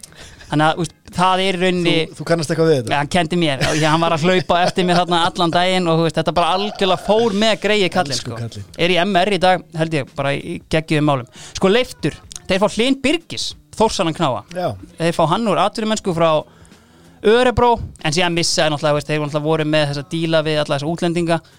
Þorvaldur Makan fyrir aftur í Káa Pál Guðlaugs fætti stjórnarinnar spærisústöri ég þarf fleiri færiðinga ok. Og hann bara sallar inn nokkrum færiðingum þeir missa auðvitað Peter Ogaba uh, þeir missa líka Radoslav Lasorik hann fyrir Káa, Steinar Ingimundar og Baldur Braga eftirminnilega. Þetta er alveg hjút sem þeir missa, missa líka Andra Martins, þetta er svona gauratni sem eru Já. búin að vera að halda þessu gangandi. En hvað er okkar maður? okkar maður, hann er á sínum stað. Engar áhyggjur af því og Páll Guðlaugsson hann hugsa bara, ok skelvirinn er hérna, við, í, við hljótum að finna út úr þessu. Og hann samt hugsa, hvernig á ég að fylla liðið? Ég er búið með Færiðar, ég er búið með Nígeríu ég er búið með Skotland. Herðu, hvaða heimsálói eftir? já. South America, Oh. herðu, ég hendi mér hérna á tíu daga kamp reynslulustra leikmanna í Brasilíu. Eyjubleiðin kemur hérna með fyrsta leikmannin í Dominos tríónu sko Dominos eru auðvitað með bestu pítsunar þeir eru með Spicy Cajun bröðstangir og þeir eru léttir í Lund 99 þá er ég mikið að vinna með Dominos á grensásvegi Já, þar var líka sko bónusvídeó við hliðin á algjört hacks já, þannig að veist, hérna, ég var eiginlega mest þar. Ég hef verið í lóuhólunum. Ah, Mér minnir að það hafi verið komnir þá. Ég hef aldrei farið þangað en Það er sko höfustöðunar það er svo, já, Og ég, auðvitað. ég skal segja þér eitt líka. Þegar ég vann þar, já, Dominos í lóuhólunum mm, Þá var þar mikilmeistari við stjórnulinn mm, sem að reif þann staði upp af því það kemur alltaf erlend sveitað utan til þess að meta, Já, já. gefa stjörnir koma Mhm. svona siglundi fölsku flaggi með hérna, svona gleru með, með yfarskeggi panta sér pítsur. Og hann reif staðin upp úr neðstasæti á Íslandi upp í langefstasæti á Íslandi. Var þetta ykkur höfðingi eða? Óskar Axel Senior sem var með X átján skó og ég man ekki að hann var kallað sokkakallin að einhverjum, ég man ekki akkur en það er eitthvað saga sem ég kemur næst. Allavega þeir fá Sergio da Silva og náttúrulega Alexander Santos sem Alveg er svona, veist, Santos í liftri. Já. þessum gæja mann ég mjög vel Já, eftir. og hann kom hérna og veist, byrjaði helviti vel. En veist, ég man líka bara þú e, erum alltaf búin að tala hérna um að fá útlending bara, já, þetta hlýtur að vera geði geði Já. Að fá Brasilíu. Já, hérna hér, þú ert í geggjuðu geimi þar. Sko, uh, við erum með vikinga sem koma upp. Luka Kostic að þjálfa Ok. vikinga How the mighty have fallen, myndi einhver segja. Var hann með þá árið áður líka? Já, sko, það sem við þurfum að fara yfir hérna er náttúrulega hvernig vikingar fara upp. Hann eiginlega tróð þeim upp í eftir dild að því að það sem að gerist er að loka umferðin er æsir spennandi FH eða vikingur geta farið upp og FH anga vinna sinn leik. Þeir eru bara á bekknum, býða eftir að sjálfsögðu símtalinu sem kemur bara einhver liðstjóri. Þetta er bóið, vikingur unni ekki. Herrið, FH anga er trullast Pétur Ormsleff er að þjálfa þarna. Og bara, veist, það er tollering það er allir léttir. F-fanga komnið loksins aftur upp einhver through years of hurt þarna, veist, get ekki komist upp. Herru, síðan kemur liðstjóðunum bara ah, herru ég var aðeins og bráður á mér. Væk sendi vinnir að loka sig Nei, nei, nei, nei, nei, og bara aftur í, hérna, tolleringin tekið tilbaka en reverse. Já, en þeir fara allan og þetta er ungt lið, þú veist, það eru gaurar eins og Danni Hjalta, hann Í er að koma já, hann er að koma Leiknismaður. leikni einmitt og náttúrulega sko ultimate kongurinn Bjarni Láris Hall, Buddy Jeff Já, barflugan Já, hann er þarna Sko, góðvinni minn og eitt virtasti virðismatsmaður stórfyrirtæki á Íslandi Magnús R. Tórsson, hann Já. stundaði það mikið í gamla daga að króka frækt fólk og svona, þú veist, Hvað er að króka? veist og bara, Buddy tekur hérna Já, og rótar í hárinu. Og sko, hann hefur tekið, veist, hann tók það nokkra og ekkert allir að taka þessu vel sagði bara yfirbúra menn sem tóku krókin Átni Páll, samfélkingamæður Ok. og Buddy Jeffu ekkert eðlilega léttir með þetta. Já, hann var allan að minn maður í Væks á þessum tíma. Sko, síðan eru þeir auðvitað með Tarfin í liðinu, Þrándur Sigursson Pappi, Aron Strandarsson Hárétt, geðveikt nickname. Já. Sko- Ég var að það köll alltaf Baby Tarfur hérna, Já, Aron. Já, já, já, einmitt. Sko, þeir, sko Væks fá mann fyrir tímabilið Mann sem ég hafði ekki heyrt nógu mikið um því að það er alltaf að koma þessu reglulegu fréttir um Þeir hafa spilað í Premier League og í efstu deild á Íslandi. Já, Colin McKee, annar leikmaðurinn í Dominos tríóanu Hér er að koma maður já. sem á leik með Manchester United. Í Premier League. Já, já, hann spilaði loka leik tímabilisins 1994 og hérna, úst, bara, hann byrjar bara inn á Robson, geða með boltan og úst, bara hérna matar Ég þarna hef aldrei heyrt þetta. Nei, matar bara Mark Hughes með fyrirgjöfum og skiptir yfir að kantina á Lee Sharp og En sko, það jóalegasta sem ég veit er að sjá þetta nafn Já. og hugsa, ég kannast við þetta nafn. Hann spilaði hérna loka leikin með Ég- Manchester United. Nei, ég verða að viðkjanna sko að, að víðir pikka þetta upp á sínum tíma. Þess Nú, vegna finnst, ok. mér- þess vegna finnst mér svo skrítið að enginn hafi Það er ekki lifað þetta, er, þetta er alls ekki lifað Ian Aspi og það er alls konar svona maður gæði sem spila ekki svona efstu deild sko, en það er alltaf minnst að Rúf. Ian Asp Já, já, og veist bara, en, en svona, veist Colin McKee, ég meina hann hefur bara verið þannig mentalegi trophy celebration, ég meina hann fer út af fyrir Roy Keane í þessum leik, sko bara Shit. Kino kláraði þetta en hann gerði nú reynda voðalega lítið hérna, sko þannig að, veist, Hvað spilaði marga leiki? átta Já, Þú veist, ok. hann var, Allt season. menn hann spilaði hinn fræga FA Cup Youth Final 92 Hann er í þeim Class árgangi. of 92 hann var Ok. jafn gammal gigsarnum sko. þannig að þetta er alveg gæi að koma hérna en, einhvern veginn veit, sem bara fann maður einhvern meiri flétta. Ég veit ekki hvernig hann stóð sér En veistu hvað stöð hann spilaði? langar að segja miðjumæður eða kantmaður. Eina guðna hefur kannski samband og, hérna, og Já. segir mig frá því sko. Og bílnúmurinn hans. Algjörlega, herði, sumarið er að gangi í garð. Sko fyrsti leikurinn, opnuna leikurinn það eru gömlu stórveldin, IA og KR Fyrsti leikur? Já, Ok. Sko Þetta fáum við leiðilegustu tegund af leik sem ég veit um. Eftir 17 sekundur skorar Sissi Júl og leikurinn endar 1-0 Já, já, já. Þetta eru leiðilegustu leikir sem ég veit um. Já, Það er eiginlega sama hvað gerist í leiknum. Ég þóli ekki 1-0 winner á innan við mínútu. Nei. United hefur tekið þetta held í tvisvar og ég hugsa alltaf Shit Þú veist, því líka helvítist tímasjón en, en veist, káeringar veist, þetta var einhver svona demon exercise að því Já, að já, hérna, já. þeir höfðu alltaf verið að brasa með fyrsta leik og, og náttúrulega frækt hérna, heimavallarekordið hérna, 93-94 Já, já, já. og, að, veist, og þetta var allt einhvern veginn svona sko, grílu niður kvaðninga tímabil og málið er bara, förum yfir það hérna aðeins setna, en þú veist þetta ár er náttúrulega ekkert annað en einhver grílu kvaðning utan vallar fyrir þá, þú veist, ekki, já. hugsa ekki um annað en bara svona einhvern veginn, er þau, þú veist, já, herri, þetta, þetta hefur alltaf verið að gerast. Lögum þetta, Já, já, bara svona eitthvað trial, and, trial and error búin að vera í 31 ára því og svona einhvern veginn þarna er þetta svona einhvern veginn að smetla sko, förum aðeins í mekanisman á káarleginu ok, Gulli Gull, munum eftir honum. Sjöleikir röð, clean sheet. Já. Hann fyrir bara beint á bekkin Stjáni Fimboa Air United er komið lengst í hnakkan á honum. Hann bara, hann fær tröstið ok, og þeir eru að vinna með einhver svona sko þetta er svona fjóri, tveir, þrýr, einn, fjóri, fjóri, tveir.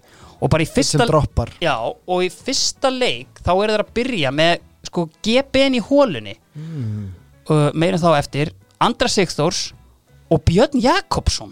Uh, þetta er svona, þú veist, ég talaði um að Kitty Haflið að væri Big Shot Rob, Robert Ory. Já, þessi gaur er uh, svona sem í það sko. Hann var Íslandsmeistari með eigamönnum 97, spilaði þrjáleiki já. Og þú veist, Káir þetta síðan já og bara svona raðaði inn einhvern veginn, Ég- þú veist, titlum bara án þess að spila neitt sérstaklega mikið sko. talandi um sig, að því að hann svo sigurveri hann er held ég rekstrastjóri B5 Hann á er Biffa- toppnum. Já, hann er Biffa Legend sko. Já. og hérna það er enni titillin Vá! Já, allan alvöru gæði sko. En hérna, en úst, útlitið, úst, ég meina, hann byrjar þetta fyrsta leikin Hann er, úst, þeir eru að vinna með hann sem svona big guy Einhvern veginn, ef ég skil þetta rétt sko Því, úst, einhvað svona segir mér samt ég að held það að hann sé stuttur í annan endan sko. Heldur það? já, Kannski minka með árunum einhvern veginn. gengi saman. En, álægi já, en allan, ég sá bara hérna einhverja hérna Við fengum náttúrulega hérna Við fengum teip í hendurnar sem við bara lögðumst yfir sumari 99 frá KR já, Vaffa á S-bólan Já, bróðin, Já, uh, bróðir minn ekki náttúrulega- Loftur Páll Eiríksson í leikislegin, heldur Valur Páll. Já, hann náttúrulega hérna, er búin að liggja yfir þessu öll sín ár. Já, og hérna, og svo dó Vaffa á S-tækið og hann náttúrulega bara hefur ekki séð þetta núna í heilanga tíma, þannig að hann ákvaða hendi þessu á digital form. Já, sjáta þetta á myndband, myndbandavinsluna legendary fyrirtæki, já, veist. Ég vann þar eins og þess vegna er ég að sjáta þetta en allavega, hann, hann ætlar að hérna, hendi á neti líka þannig að þú veist, eftir hann þátt Já. þá er það fullkomi content Já, svona, klálega. svona chaser Já, þetta er svona, þú veist, sínt mörkin Kitty Kernestedt með mjög hlutrægar lýsingar hérna á þátt. já, þetta valsar að slökka hljóðinu Já, please uh, Sko, já, ég meina Alli Eðvalds er hérna að krifja Þú veist, hérna já, en þi, þú varst að segja, þú veist, þú, þér fannst Björn Jakobsson vera eitthvað power. Já, kom hann einhver sending og hann svona veginn svona tarfaðan með höstna já, eitthvað já, við, ég svona held kannski það, en þú veist, máli er að þú veist, Björn Jakobsson step aside, því að eftir þennan leik Já. þá, þá rífa þeir algjörlega í gikkin, þú veist, það hefur talað um að í gikka, Já. þú veist, en þeir fá hérna heim Bjarka Gunnlaugsson Bjarki er búin að vera í einhverjum stöppum í Noregi en veist, hann er að koma hérna 26 ára á gjörsömu præmi og það sem að ég held sko geimi með dagins, af því að það sem ég ætla að koma inn á núna er að það sem að káeringar gerðu þeir gerðu það sama og okkar menni fram það er hendi hlutafélag. KR Sport og ég einfallega bara til að kynna mér fyrir R3 rákjöf hlutafélag mekanismann betur Já. ég heyrði bara aðeins í Magnúsis Orra Skram já, kongirum hann er af þessari B. Skram ætt og hérna sonur Óla Óla B. Skram Já. HM95 kongsins ég heyrði bara aðeins í hann og bara svona veist, af hverju í anskotanum eru þeir að stopna þetta hlutafélag og bara svona hvað svona, veist, hvernig fóruð þið inn í tímabilið og sérstaklega kannski með hérna Bjarka Gunnlaus Magnús, halló Halló. ástæðan fyrir því að þetta er gert Já, ég heldur það að vera þannig sko að menn voru búin að fá fyrirspöld frá útlöndu félagi sem er Enig uh, Group eða eitthvað svoleiðis og Mhm. það var sér félag sem var að kaupa uh, hluti í klubum um alla Evrópu og alltaf náði einhverjum svona samleðar ára eins og við erum kannski sjá í, í bóttanum í dag. mm Þetta var heldur Tottenham og Slavia Prag og eitthvað svona og það kom einhver reyfingu á uh, út í K.R. og en fengur endur ekki leiði fyrir slíkir nálgunum, bara íslenska kerfið leiði það ekki, það, þá fóru menn bara velta fyrir sér sko, ok, við getum kannski aðeins breytt þessu rekstarformi og sá möguleika á því að sapna peningum hjá uh, káringum -hmm. og það gekk sko svona skínandi vel, ég meina það voru held ég 1100 mann sem keftu hlutabrif í KR, Mhm. KR Sport. Og þá var svo bara hérna, þannig gáttu menn svona losa kannski svolítið sig við skamtífaskuldinar Mhm. og vildu eiga einhvern smá pening þá til þess að geta fjárfest og stutt við klúbin til lengri tíma liti. Þegar þú kemur inn í þetta sem framkvæmdastjóri, þú veist, áður en þetta komið og það er losað um skamtímaskuldunar, var erfið fjárhagstaða í káar á þessum tíma? Nei, ég held ekki sérstaklega, ég held að svona bara, náttúrulega rekstum kannski þetta í káar í, í 80 ár sko, hefur náttúrulega verið bastl og, og þannig var það bara þarna líka. Við, ég sá kannski ekki mest að þessum peningu ég tek við 98-99 þá hef ég raun og veru kannski einhver liti bara hreint borð en, eh, en, eh, en menn voru þá velta fyrir sér að fjárfesta og stór hlutast peningu fór svo ég að kaupa rauður já, og menn, og veistu, það var alveg skipt skonum það hvort það hefði verið skynsalega ekki en, en ég kom svo sem ekkert að því. Að því ég bara með frangatstjóri, þá er það sem gerðist líka er að við skiptum reksturnu ég var með meistarflokkin og annarflokkin og gæti bara fókusur á hann og við verðum bara reyndum að það höfðu kannski meiri framtíðasýn í því, ég fór svona kannski fyrst í frangatstjóri sem fór að fara að mæ- mæti jakkafötum í vinnuna og svo svona skilur menn fóru að þetta líta á sig en En þetta hjálpa okkur, ég held að þetta hafi hjálpa okkur fyrst að svo, það meina það gekk allt upp þetta árið 99 og, og, og, og, þetta eflaust, sko, þú veist að ég hef bara fekið skýran fókus á, á verkefnin, ég hugsaði bara mestarlokk og annar flokk og við Mhm. gáttum bara fókus á það. Þegar þú kemur Og inn í þetta sem frankandastjóri ef ég gríp fram með fyrir þér, ertu meira í svona, þú veist tæknilegu hliðin einhvern veginn eða ertu líka bara með svona puttan í einhvern veginn svona leikmanna kaupum eða, eða stefnu eða eitthvað svoleiðis? Já, ég, ég, held að við höfum nú, sko, ég var komað einum leikmannakaupum sem voru nú svolítið minningar því að Já, það var nú þannig, sko, að ég var búin að vera upp á rú, var búin að vera íhrjóttufættamæða þar í tvö ára undan og, og einhvern tímann hefur snemma, einhvern tímann hefur vorið, þingi Geir Magnússon mig, gamli, minn gamli kollegi, já, tegur svona klassíkt íþróttafletta samtal, sko, ringir í, í líkil menn í klúbunum og segir, er það rétt sem ég heyri að Bjarki Gunnlaugs sé að fara í káðið? og ég bara, mm, við ekki gefa upp, hafði ekki hugmynd um það að Bjarki verið að hugsa sér til hefðarar. Þannig að ég þykist ekki vita, þegar ég geir ekki neitt, legg á og tek þrjú símdum, þykji alla og koma P-forman og, og, og fæ grænt ljós á það að, að sækja númerið hjá Bjarka á heyrjónum já, og, og, og þannig gekk það eftir að við fengum Bjarka hann inn snemma á sísoninu. Við vorum náttúrulega með okkar aðalsendir andra siktu sem er að meiðast dettur út, þannig að Bjarki kemur eitthvað himna sending en, en, en annars var ég náttúrulega bara með að skýra fókus. Við vorum bara í söl og markasmálum massíkt og einmitt, við vorum bara með að þannig sko KR, ég náttúrulega svona alast upp í KR og, og er að spila þarna 94 og 5 og, og er að og það er alltaf sama sagan út í KR á þessum tíma sko, við erum Mhm. voru með geggjaða mannskap var allt til allt til svona árangri en bara við náðum aldrei að klára það og það var náttúrulega bara hinn sálrang og því sem skipti þar mestu máli. Fyrst þú segja Svo það, ef ég, ef ég gríp aðeins hérna inni Já. sko, eins og þú kemur inn á, þú ert leikmaður hérna á þessum tíma og við erum búin að fara hérna yfir síðustu 5-6 árin í þessu uh, eins og þú kemur inn á, þetta er frábær leikmannahópur en er ekki líka bara svona ákveðið einhvern veginn agaleysi, það er alltaf hægt að neyta því já, já, ég man alveg svo sem eftir því sko. Þú veist, það var þessi fimmta regla sem var í gangi á sín tíma sko. Já. Já, heldur betur. og, og, já, einmitt, og það var svona svolítið það sem var í gangi en jú, agaleysi og svona bara þú veist ég, það, það, bara pressan var gríðarlega á þessar strákar sem voru litir líkið sem káður þessum tíma. Það, bara, þú veist, það var bara ógeðslega erfitt að vera með allar þessu sögabakinu og alla bara, veist, mannstætti 68 og mannstætti 59 og eitthvað svona allan daginn bara alast við þetta sem litli guttar skilur Já. og aldrei kemur þessi helgist titil þannig að þetta var ógeðslega erfitt Já, og það, það sem við gerðum það bara, við, við tókum þetta bara í massík, ég og allir og, og líkil mennir þannig að við bara ákveðum okkur, nú tökum við bara jákanun á þetta, bara, við, það var ammálist á mm, klúpurinn 100 ára. Og það sem þurfti bara að gera, við, við nýttum í raun og verið þann meðbyr sem fólst í því að vera 100 ára og þá settum við bara í gang fullt af litlum hlutum til að bæta stemmingunni kringum liðið. Já, við settum, við, þú veist, þetta er, þetta er hérna, við, við fórum byggum til lukkudýr sem Hilmar Guðjóns hérna, leikari átti stórleiki já, Hilmar, já, já, Já. hann var fyrsta rauða ljóni ok. Við, við, hérna, inn einan gilva sálfræðing sem hitti strákana reglulega og bara mótið verða það rétt eftir við, við byggum til bíkóróluvöllin út á káar þess að fá batna fólki á Ég við er náttúrulega við nýja liði Já, einmitt, algjörlega Nákvæmlega. Þetta er legend sko. Við settum, við settum voru fyrstu klúpur og settum alla strákana í jakkaföld. Við mættum leik og bara allir í jakkaföld og kunna Hilmas í KK. Skilu, strákana í Káarklúknum byggur til Káarútvarti sem var alltaf algjörlega stórkostlega.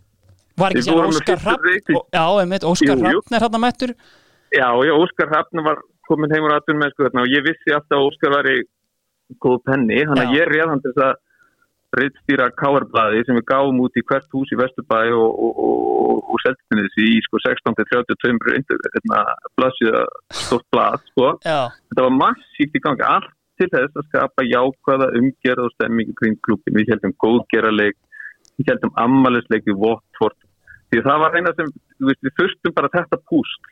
sko, margi mólar þarna en þú veist, það sem við kannski tökum helst úr þessu er bara, þú veist, jú, jú allir eðvalds gerir magnaða hluti og allir í kringum þetta, Já. en þú veist, veist það er tvö líkil sæning sem ég sé fyrir þetta tímambil, það er eða þrjú í raunni, það er Bjarki Gunnlaugs Já. það er Rauða Ljónið Já. og það er Magnús Óri Skram veist, þetta eru the three pillars sem byggja þetta á. Sko mér finnst augljóst að því hvernig þessi miklu meistari talar. Mm. ha, það, var, það var svona eh, umgjörð, þú veist, þegar við tölum um umgjörð þá erum við ekki bara að tala um hérna, gæslun og vellinum og eitthvað svona, ég róluvellurinn Já, það að vera með eitthvað sjömanna teimi sem Já. er þú veist sálfræðingur, ég meina það er ekki eins og þessi gefins að vera með markmannsþjálfar á þessum tíma. Nei, og veist, hann er reyndar aðstofþjálfarinn hérna, en það var, hann var búinn að fara og stúdera hjá sko Tony Schumacher hérna, þíska einmitt, búin að vera á MLU Já, hann var Gummir og ég, ég sá ykkur stærri voru kallaði sko mjall hvít og dvergarnir sjö það var teimi káir þarna þetta var bara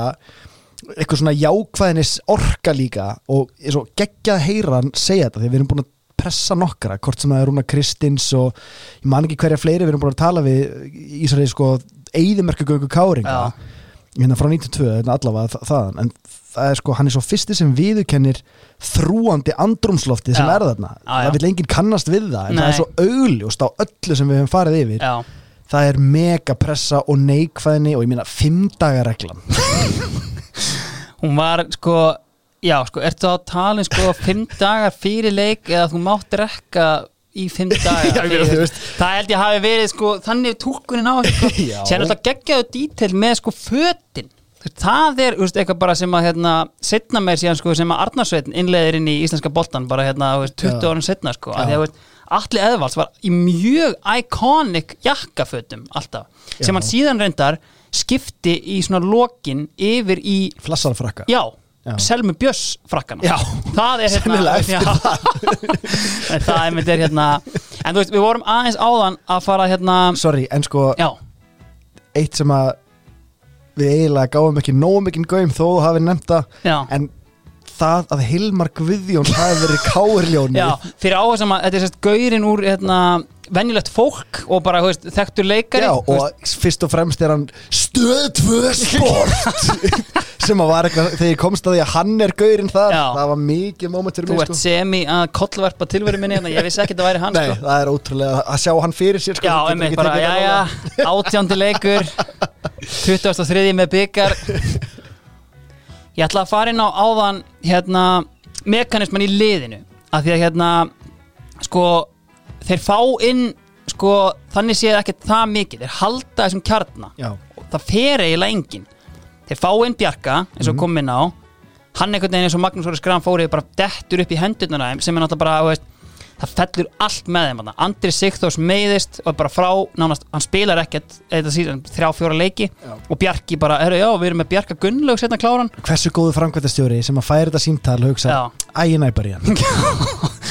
Þetta hljómar svona eins og þegar Ferguson tók Cantona. Já. þetta er svona basically þannig.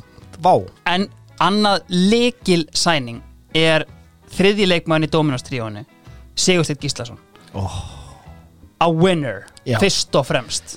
Það, er, það er nákvæmlega það sem hann er. Og sko Sigursteinn er þarna sko Ég ætla ekki að segja að koma heim af því að hann er skagamæður sko En hann hafi verið eitthvað í yngri flokkunum upp í Káir Og ég meina fyrstu mestarflokksleikindin hans eru held ég 87 Og það er með Káir Síðan Já. fer hann upp á skaga sko, aftur. Þannig að þú veist Hann alveg fann heima völl í Káir Og í bara frostaskjólinu Eða þarna á kaplaskjólsveginu Já, meni, sko sögurnar á honum að því hann alltaf kom síðan upp í leikni sem þjálfari Já, og breytti miklu þar og ég meina hann, hann, hann kom aðna á veist, lið sem að var að festa sig í sessi sem fyrstu dildaklúpur mhm, hann kemur inn á sama tíma og við erum að fá upp kynnslóð já. og þeir, þetta verður bara eitthvað svona eitthvað töfrar Match made in heaven. Já, Já. Hann, hann sem þessi ótrúlegi sigurvegari næri einhvern veginn að, að mótivera þessa gæja til þess að verða alvöru klúppur og, hérna, og skandalla við höfum ekki farið upp þetta ár 2010 á Já. hans vakt sko, og, hérna, Guð blessi Pétur Georg. Nei, þetta er ástæða fyrir að ég hef ekki alltaf þögn í mikrofónu minn þess búin að tala um Pétur Markan sko, ég vil helst ekki tala um hann. Nei, Nei, en, en sko, örlítil saga um hversu mikill meistari Steining Gísla var. Já, uh, Það koma fréttir um það að hann sé búin að sæna sem þjálfari leiknis Aldrei hitt mannin, aldrei séðan, ekki neitt. Uh, Þetta kemur rauninni muni mig eh, í lok tímabilis og undan, þá Mhm. kemur það í ljós. Fyrir lokahóf Já, já. leiknis, það sísón við vorum að stunda það strákurnir þarna, við erum kannski 18 ára 18-19 eitthvað uh, að búa til svona lokahófsmyndbönd. Og við ákveðum það að fara heim til hans og vekja hann aldrei hitt okkur, þarna voru sko ég og svo þrýr leikmenn liðsins. Og, og við heyrim í konun hans, Önnu sem er einn mesti meistari sem ég veit um. Og hún Mm. var svo til í þetta sko. Og hún hlifti okkur hann inn um miðjanótt og við hoppum upp í rúmið til hans kviknaktir og tökum þetta upp. Og það hefur engin maður nokkuð tíman tekið jafn vel í að vera vakinu miðjanótt að þrem allsbörum kallmönnum þetta er Steining Ísla, þetta var svo geðveikt moment og þetta var svona loka senan á hérna í myndbandinu og eitthvað og því líka peppið og bara svona hans hans saga í leikni er einn sorglega hún endaði, Mm. þá, þá gaf hann þessum klubbi ótrúlega mikið og ég meina sigur viljin og hefðin hans, hún Já. lifir klárlega upp í breiðaldan þá sko líka kongur en sko mekanismin er basically eins og ég var að koma inn á hann svona fjóri, tveir, þrýr, einn uh, víðir sig að því að gummi ben þú veist að siglir inn í mótið menn fara að sjá, heyrðu, það er eitthvað breytt við gumma Já. gummi er að gera eitthvað annað hérna gummi er komin í hérna frægu tíu Mm. hann er hættur að hann er búin að bara slíta allt miljón sinnum ekki ennþá samt hættur að slíta eins og kom inn á kannski næstu þáttum Já. hann bara hann verður bara þessi playmaker sem okkar kynnslóð þekkir hann sem hættur að elda bolta aftur fyrir vörn Já, og, og bara, veist, í rauninni þess vegna er þetta svo magnað, þú veist, litli, litli kombo hjá, veist, Bjarka og Gumma. Já. Gummi er einhvern veginn í tíun en Bjarki er samt, hann er enginn strækir, þetta er bara svona flæðandi, tvær tíur, flæðandi þarna um einhvern veginn. Kannski allir að koma með hérna fyrstu fölsku nýju, einhvern en, veist, og síðan eftir með, sko, Steinakísla á miðjunni, mest allt, hann er rúllandi aðeins á bakgurinn, hann er með Sigurðard Jónsson, Bjarnar Þorsteinsson, Indra Sigursson, Já. og síðan er hann með Þórhall Örn Hinriksson þarna vel djúpan á miðinni sem er samt að keira svona Jæja Túri Pál Guðmunds hlaup Já, sko. skeiðari, Já, Júri, herðu, fekk söguna. Júri. Hann er akkureiningur Ok, hann var sex ára gamall og vildi fá að spila bolta með stóru strákunum. Ok. þeir sögðu, ekkert mál en við mögum ráða hvað við köllum þig. Júrdallur Já, þetta er sagan sem ég fekk Júrdallur? sko. Júrdallur og síðan, hvað, er þetta eitthvað gamalt orðið eða eitthvað? Hei, þýðir þetta eitthvað?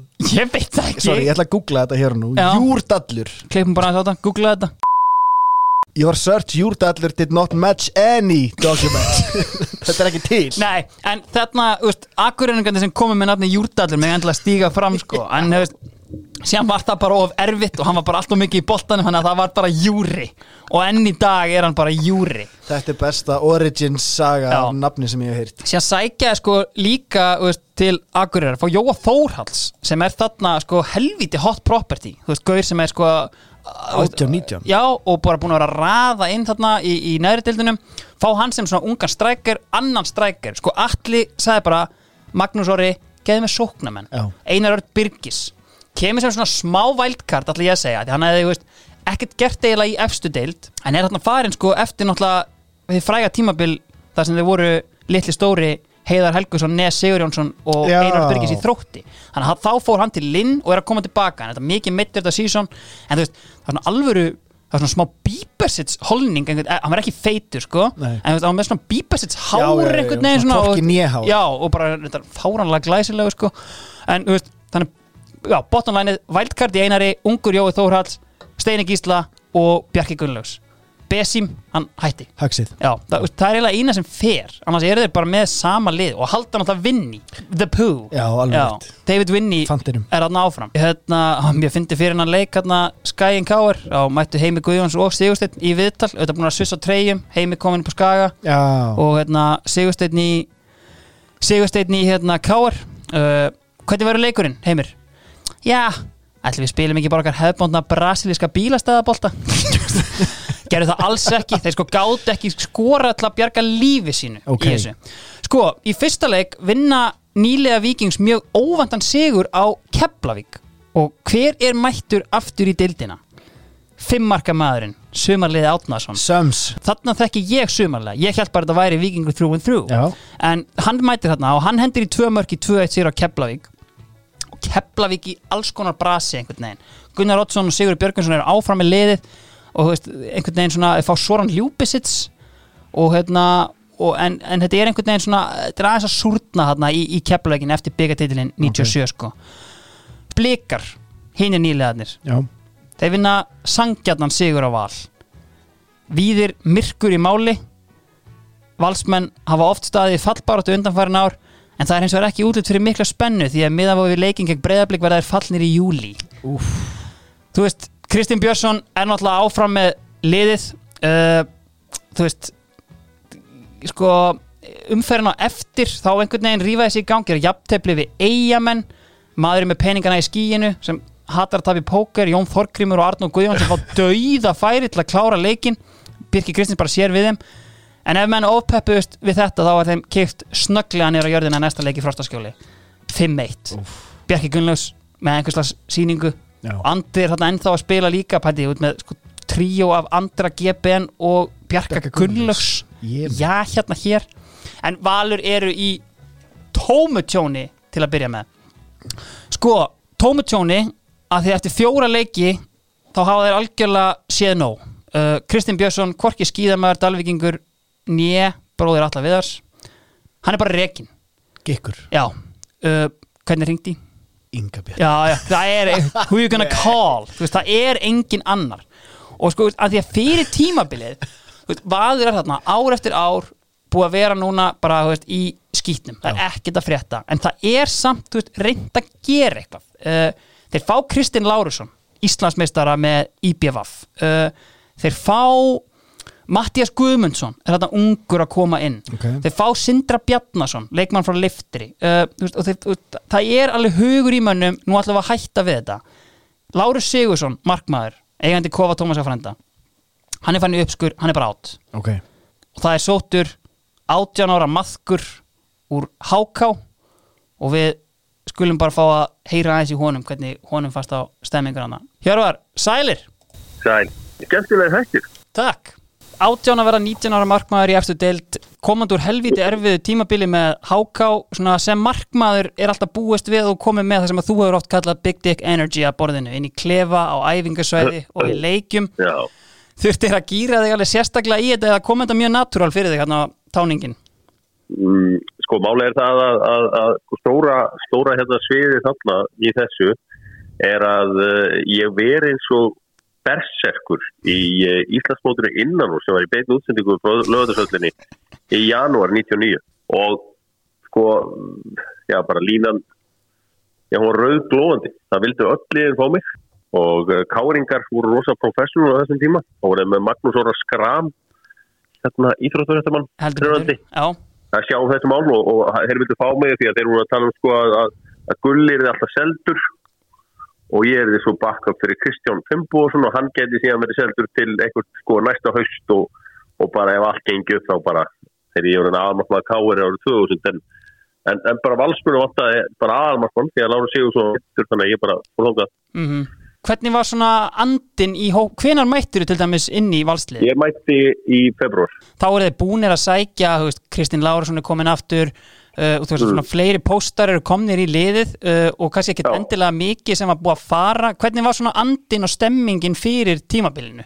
uh, eftir að svona, svona ef maður sko hugsa núna þá var þetta eins og að fara miklu lengra aftur í tíman en 22 ár. við vorum alltaf bara mölanda og þú veist eins og fyrir fyrsta leikum mútið breyðabík að við aldrei farið á gras nema það voru alltaf farið eitthvað ferðir á kólsvöldu eða eitthvað á, á gras eða hellu eða eitthvað af þeim stöðum. Uh, nú uh, að stefnum frá þessu. En hérna uh, já þannig að, þannig að aðstæðan í, í, í val var mjög léleg verður að segja þess vel á þessum tíma. Klefandir, það var mjög kallt inn í þeim.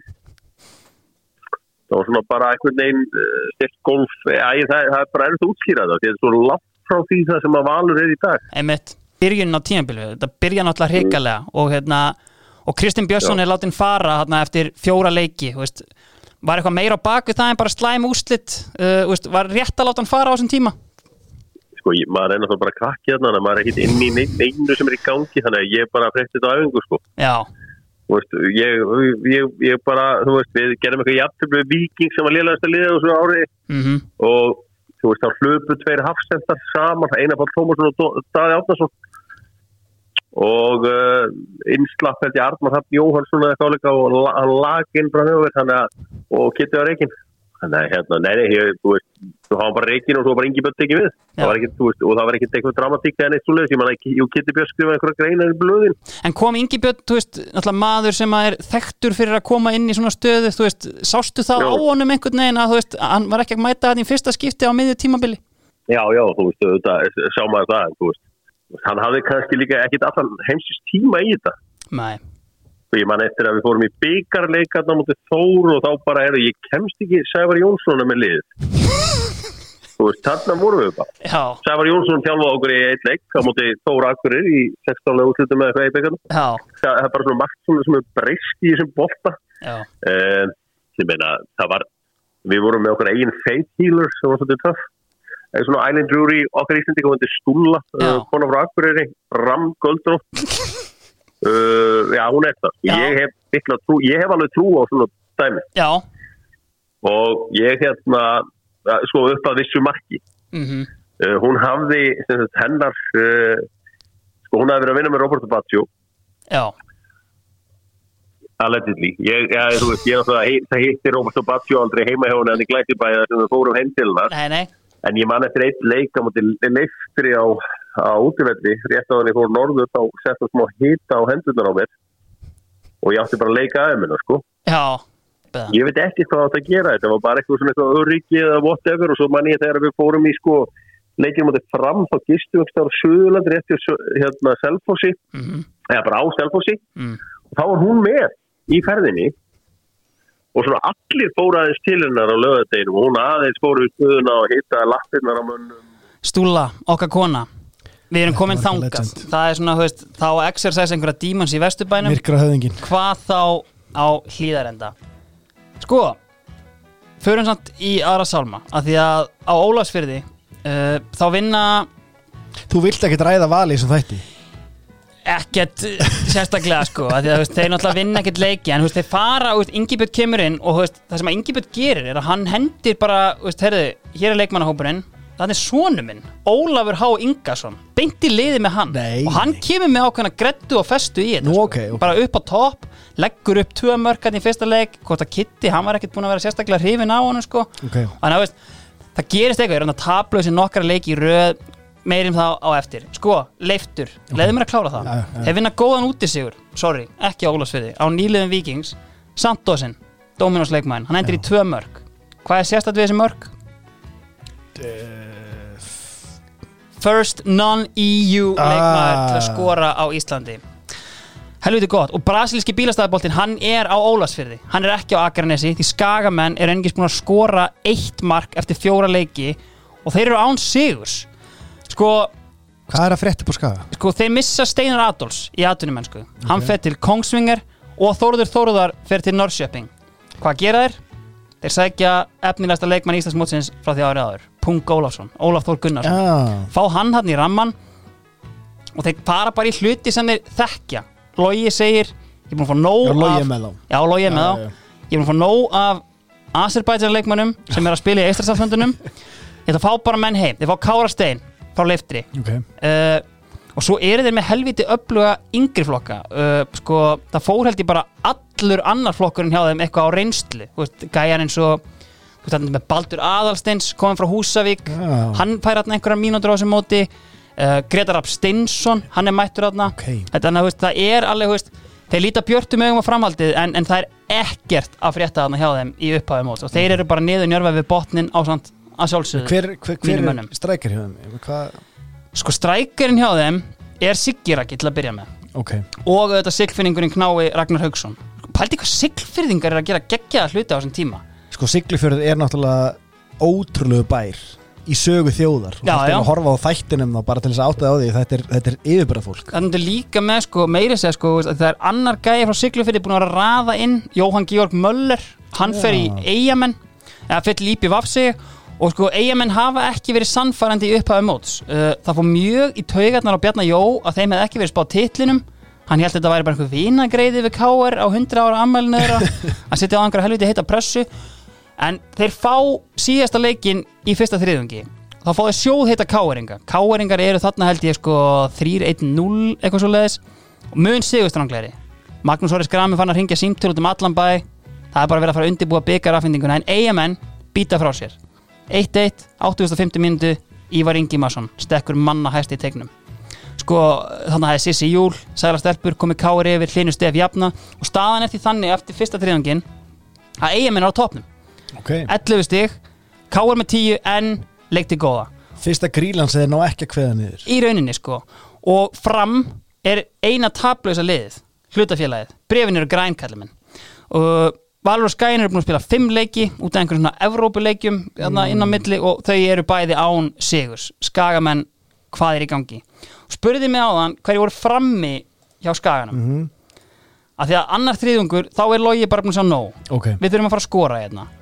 Kenneth Mattijani kannastu þú hann eða? nei, fór hann aftur hérna, hann fór ekki til Azerbaijan, hann fe fekk bara gæja hérna, þetta er Suður Afrikumæður Kenneth Mattijani ég er svona, ímynda mér að hann er lent í einhver svona ketill máni af the fans, einhvern veginn, veist einhvern ketill að því sko Siggi Raggi fyrir aðgerð og hann er hann í eigu Volsol held ég einhvern veginn, Já. sko, hann, sko Siggi Raggi er legend hjá Volsol að því að hérna 99 þá er þeir í sétildinni, Bjarnólfur Lárusson líka að spila Já. með þeim þeir fara upp þar bara þökk sé einhverjum winner bara á 90. Ok. mínútu frá Siggy Raggy þannig að ef þú ferð einhvern tíman já, í bæinn Volsson, ég veit það ekki alveg sko, þá, þá bara eru bara posters af Sigga út um hérna allan bæ. Kenneth, hann hleypir lífi í þetta. Ok, fýtt leikmaður. Og hann hérna, veist, hérna þeir eru að spila einhverja Európuleiki, hann skorar hérna einhver þrjú mörk í fjórum leikjum og þeir vinna loksins sigur þeir vinna Grindavík. Það var endur ákveðin sena þarna. Gretar Hjartarsson Mm. komin frá Stöðlinga Albion hann var á eldi, hann var með síningar bara Nú, hvað eftir ok, annað. ok. og hann var með góða síningu hann upp á Skaga hann hrindir reynsa le. Já, já. Allir létti með það. Og leysinni út af þá röltir hann að bekknum hjá Skaganum og hann rækir í andliti á Loga Ólafsinni Ha? ég fór að hugsa þetta. Þegar ég fór yfir þetta í huganum bara ef ég ætti að hræki í andliti á einhverjum Já. ég held að Logi sé eitt síðasti maður sem ég myndi hrækja í andliti á. En þú veist bara þú veist þetta var veist, bara mynda Loga í día og svona mynda serja þrjálfjóra myndir sem hann er bara að þurrka af sér rákan sko. Ég vil fá að heyra það þarf eiginlega að fá meira út úr þessu sko. Ég vil bara reynsið að gulli henda á manni línu og hérna Hvað sagði Logi? Já. En sko, veist, Ragnar Haugsson skorar hérna eina markið Kenneth er að hérna, djöblast upp á topp og, og þeir vinna hann að fyrsta sigurinn sinn loksins í, í sjötta eða sjönda umferð. Sko, K.R. fram sjönda umferðin. Fyrirsögn hjá Víði sig fjárfestingar. Síndu hlutöðum góða skemmtun.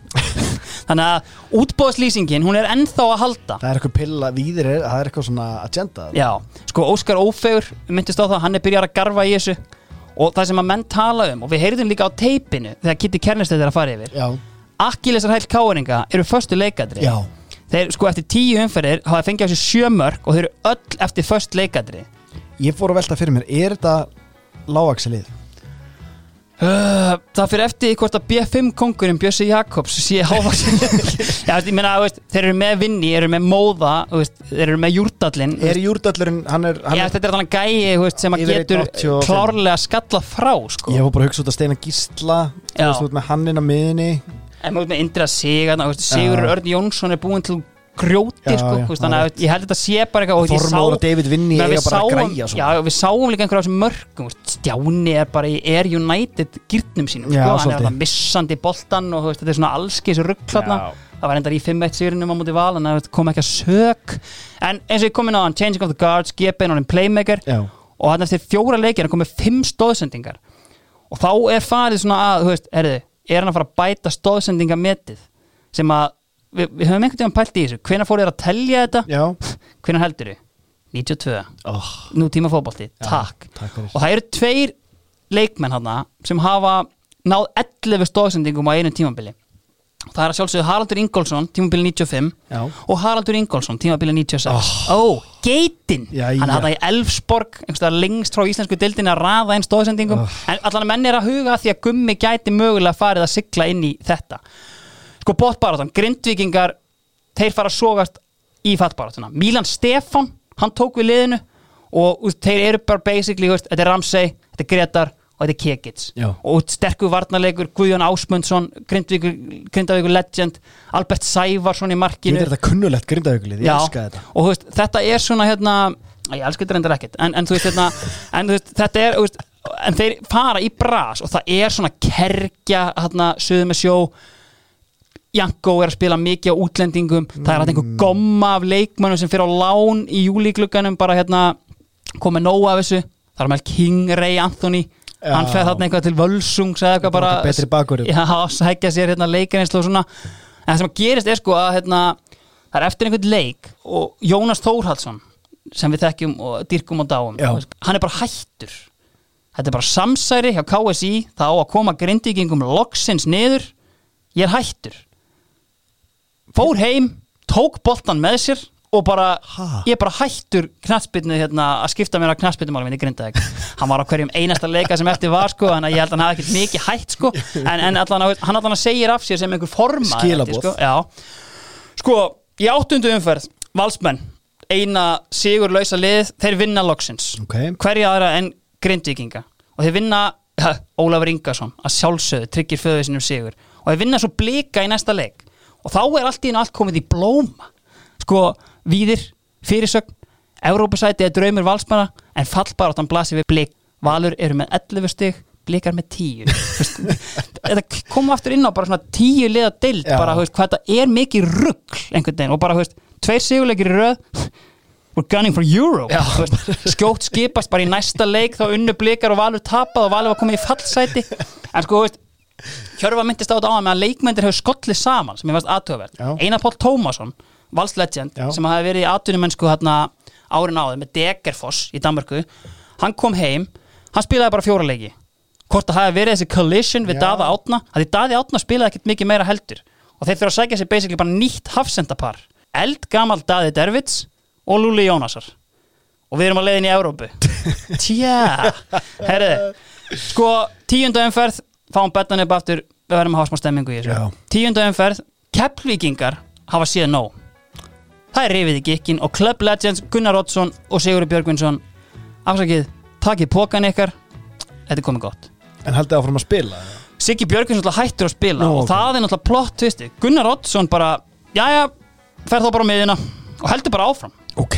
Pældi því bara, veist, hvað hann elskar keflaðið mikið. Já Gauð sko, ég held að sé ættaði frá sko Akranesi og á vestfjörðunum minni með eitthvað en þú veist bara Já, veist, þetta er alveg hérna veist, það þarf finnst mér, mér finnst þetta miklu meira svona reisastór pungur heldur en bara eitthvað svona undirlægu háttur eitthvað. Að þetta er hann líka sko veist Já. svona það hefur verið ekkert mál fyrir gaurinn bara, herðu, ok og bara valur, bara feitur tjekki eða eitthvað Ólafsfjörður. bara eins og þú veist þegar hérna, Bjarni Guðjóns fer frá skaganu þegar pappa sér rekin hérna, Já, eða, já, það var eitthvað, þú veist, Bjarni með eitthvað alltaf að sögum þetta, bla bla veist, en, en veist, kepplíkingar eru hérna bara komni við botnin og eru með tíu stíg og bara í frjálsu falli sko, þeir sóttu ég myndist á hann á Svona Ljúbisits en annað nast sænum hjá þeim, N-A-S-K-T nast, Já. Kristján Karnel Brooks. Úr falliði Njalla Eðs Já. farin í lengjudeldina, lengjan skattfrálsi stöðlar, íslenska tekjur. Og hann er að raða inn. Sem gerist enda í þessum þjálfarskiptum er að Pétur Péturs er tilkynntu sem nýr þjálfari. Hann stjórnar hann æfingu. Næsta frétt. Kaki Más, leikfimi kennar hann gett ekki Pétur bara beilaði þá bara búið að, þú veist, á bara viðtal við formannin sem ég man ekki hvort það heitir Jóhannes Ellertsson eða Jóhannes Ólafsson eða að hann, úst bara, já, hann er tekin við. Þá talar um sko að Pétur við munum það að hann tók við kepplíkingum hérna eitt sísoni á miður tímabili og hérna, stoppaði sigur hinn skagans og eitthvað svona. Hann var vist bara sár eftir það tímabil. Það var einhver Evrópuleikur það sem var einhver agavandamál hvort það hafi verið þegar Óli Þór reyfa eins þarna í hérna, hérna gangavörðin hérna í leifstöð Já. en hérna og þá setti Pétur Óla í og það fór ekkert vel í stjórnarmenn þess vegna fekk hann ekki samning áfram sem var náttúrulega mjög sérstætt einhvern veginn fyrir mann að skoða. Hvernig fjandanum ráðar ekki bara Pétur áfram. Og Pétur bara einhvern veginn herruði, ég ætla að mæta hérna. Þetta stjórn einni æfingu. Svo er, ég farin það er mín kenning sko. Já, já. þannig að hérna, hérna en það er svo leis sko við loka annars triðjóngs uh, valsmenn tapa fyrir vikingum í gjörsanlega fáránlegum leik. Uh, 5-4 en þessi sigur er aldrei hættu. Vikingar komast í 5-1 á átjándu mínútu kemur að inn á einhver 19 ára drengur Daniel Hafliðarsson og hann ákveður að skona sín einu mörk í efstu deild á ferlinum. Og sko nafna hans í markinu á ekki röndu reist. Uh, Bjössi Hreyðars minkaði munin í 5-4 þegar tvær mínútu var eftir Bjössi með þrennu í þessum leikin okay. en, en þú veist, skiptir engum máli hörmung sko, og þessum tímapunkti ég held að bæði Arnur Guðjónsson og uh, Money in the Cloud Jón Þorgrimur sé að glíma með einhver meðsli sko. þannig að veist, þetta, þetta er lít, við erum með Lula, við erum með Dada veist, Þetta er Dervits erfitt Þetta er erfitt. Eh, Daði Átnason, bróðir Þorvaldur Átnarsson nei, vals, valsmaður legend Kári Átnason Wow. Já, bróðir Kári Átnason þetta er náttúrulega valsar Já, auðvitað. Kári ef hann er að hlusta er brjálaður en hérna, sko, með þessum sigri þá eiga vikingar loksins einhverja von. Þeir náttúrulega unnu hennar fyrsta leik hérna en síðan þau eru ekki unni leik í 11 leikjum. Og voru aftur, og við erum með hann sex liða fallpakka fræga. Fram, Keflavík Breiðablík, Grindavík, Valur og Víkingur. Ok þetta er sko 15 stig Öll niður í- lið sem eru ekki að fara í Evrópu Nei. er að fara eiga von á að já, fara já, þetta er bara þannig En það er kannski ástæðan fyrir að víðir er að setja valsarna á Evrópu eða Já. stutt þetta á milli Það er það er samt ekkert, það eru þrjú fjögur stig upp í hérna, þetta Fjórða. þú veist, fjóruða sæti sko. Já. það eru leiftursmenn frekar þægilegir og sko, skægin var aðeins búið að rífa sig í gang eftir að Kittill Máni mætti hérna í framlínuna og þú veist, framarar þú veist, þarna, þú veist, þeir náttúrulega voru þú veist, eru ekki búin að tapa leikan eftir sex leiki Ok hvað gerðist. Ásker El hefur tekið einhvern tengilið úr bakverðinum Já. og það var bara ekkert í gangi. skæin er mitt aðeins fyrir hérna, ofan já, sorry, skæin er aðeins fyrir ofanlið og síðan eru leiftur í þriðasætinu og síðan Já, er ok. þetta bara eigamenn og káeringar. Stingað algjörlega þú veist, þetta, er, sko- þetta er held ég sko einhver sko, sjö eða átta stig sem eru komin þarna Já, já. niður í, veist, þetta er bara káir í BVF og káir eru þeir eru klárlega með yfirhöndina eftir sérstaklega þennan tapleikan í eigum þá er rauninni faraði bara veist, á helviti gott skrið. Sko þá erum við rauninni bara komnir í þannig hérna gæða við erum komnir í klæmaksið og byggarinn Já. í bóði blöss.is og blöss.is er á Dalvegi 32b þeir eru með Instagramið. Ef þið viljið skoða og bara eru að velta fyrir einhverju farið þarna. Þeir eru alltaf með svona spurt og svarað hotn það er spurt að öllu. Bókstaflega. Þannig að þú veist bara, þú veist, tjekkið á þessu tjekkið á vörunum, alltaf hlýlegt viðmót þegar mætið þarna. Sérstaklega vil ég hvetja eldri kynnslóðina sem að fekk ekki sömu kynfræðslu og við yngra fólki Það er aldrei of seint að byrja. Nei, klárt mál, vestunum blómstar nú sem aldrei fyrir Sko uh, 14. umferð. Uh, Káeringa klára að blika þægilega. 3-0 og eigamenn fá lánlausa valsmenn í heimsókn. Komast snemma í 1-0 nema Valur alltaf allt í henni að gera eitthvað. Og Bjössi Hreiðars jafnar og kemur svo val yfir. Að sjálfsögðu úr tveimur vítaspinnum móli að það er Bjössi orðið markaðistir leikmaður dildarinnar ásamt Bjarka Gunnlaugs með nýju mörg ha? átta af þeim úr vítum. Þetta held ég að sé met í, hann bætir met þarna. Og ég held að þetta hafi ekkert verið toppa það var eitt það var eitt svona dæmi sem mér datt í hug og það var Haldur Orri hérna þegar hann var í stjörnunni Early Days. Já. þá skoraði hann bara úr hverju vítin á fætur öðru. Það var bara sjö. Þannig að ég held hann eigi þetta met ennþá veist, yfir flest víti skoruð á einu tímabili.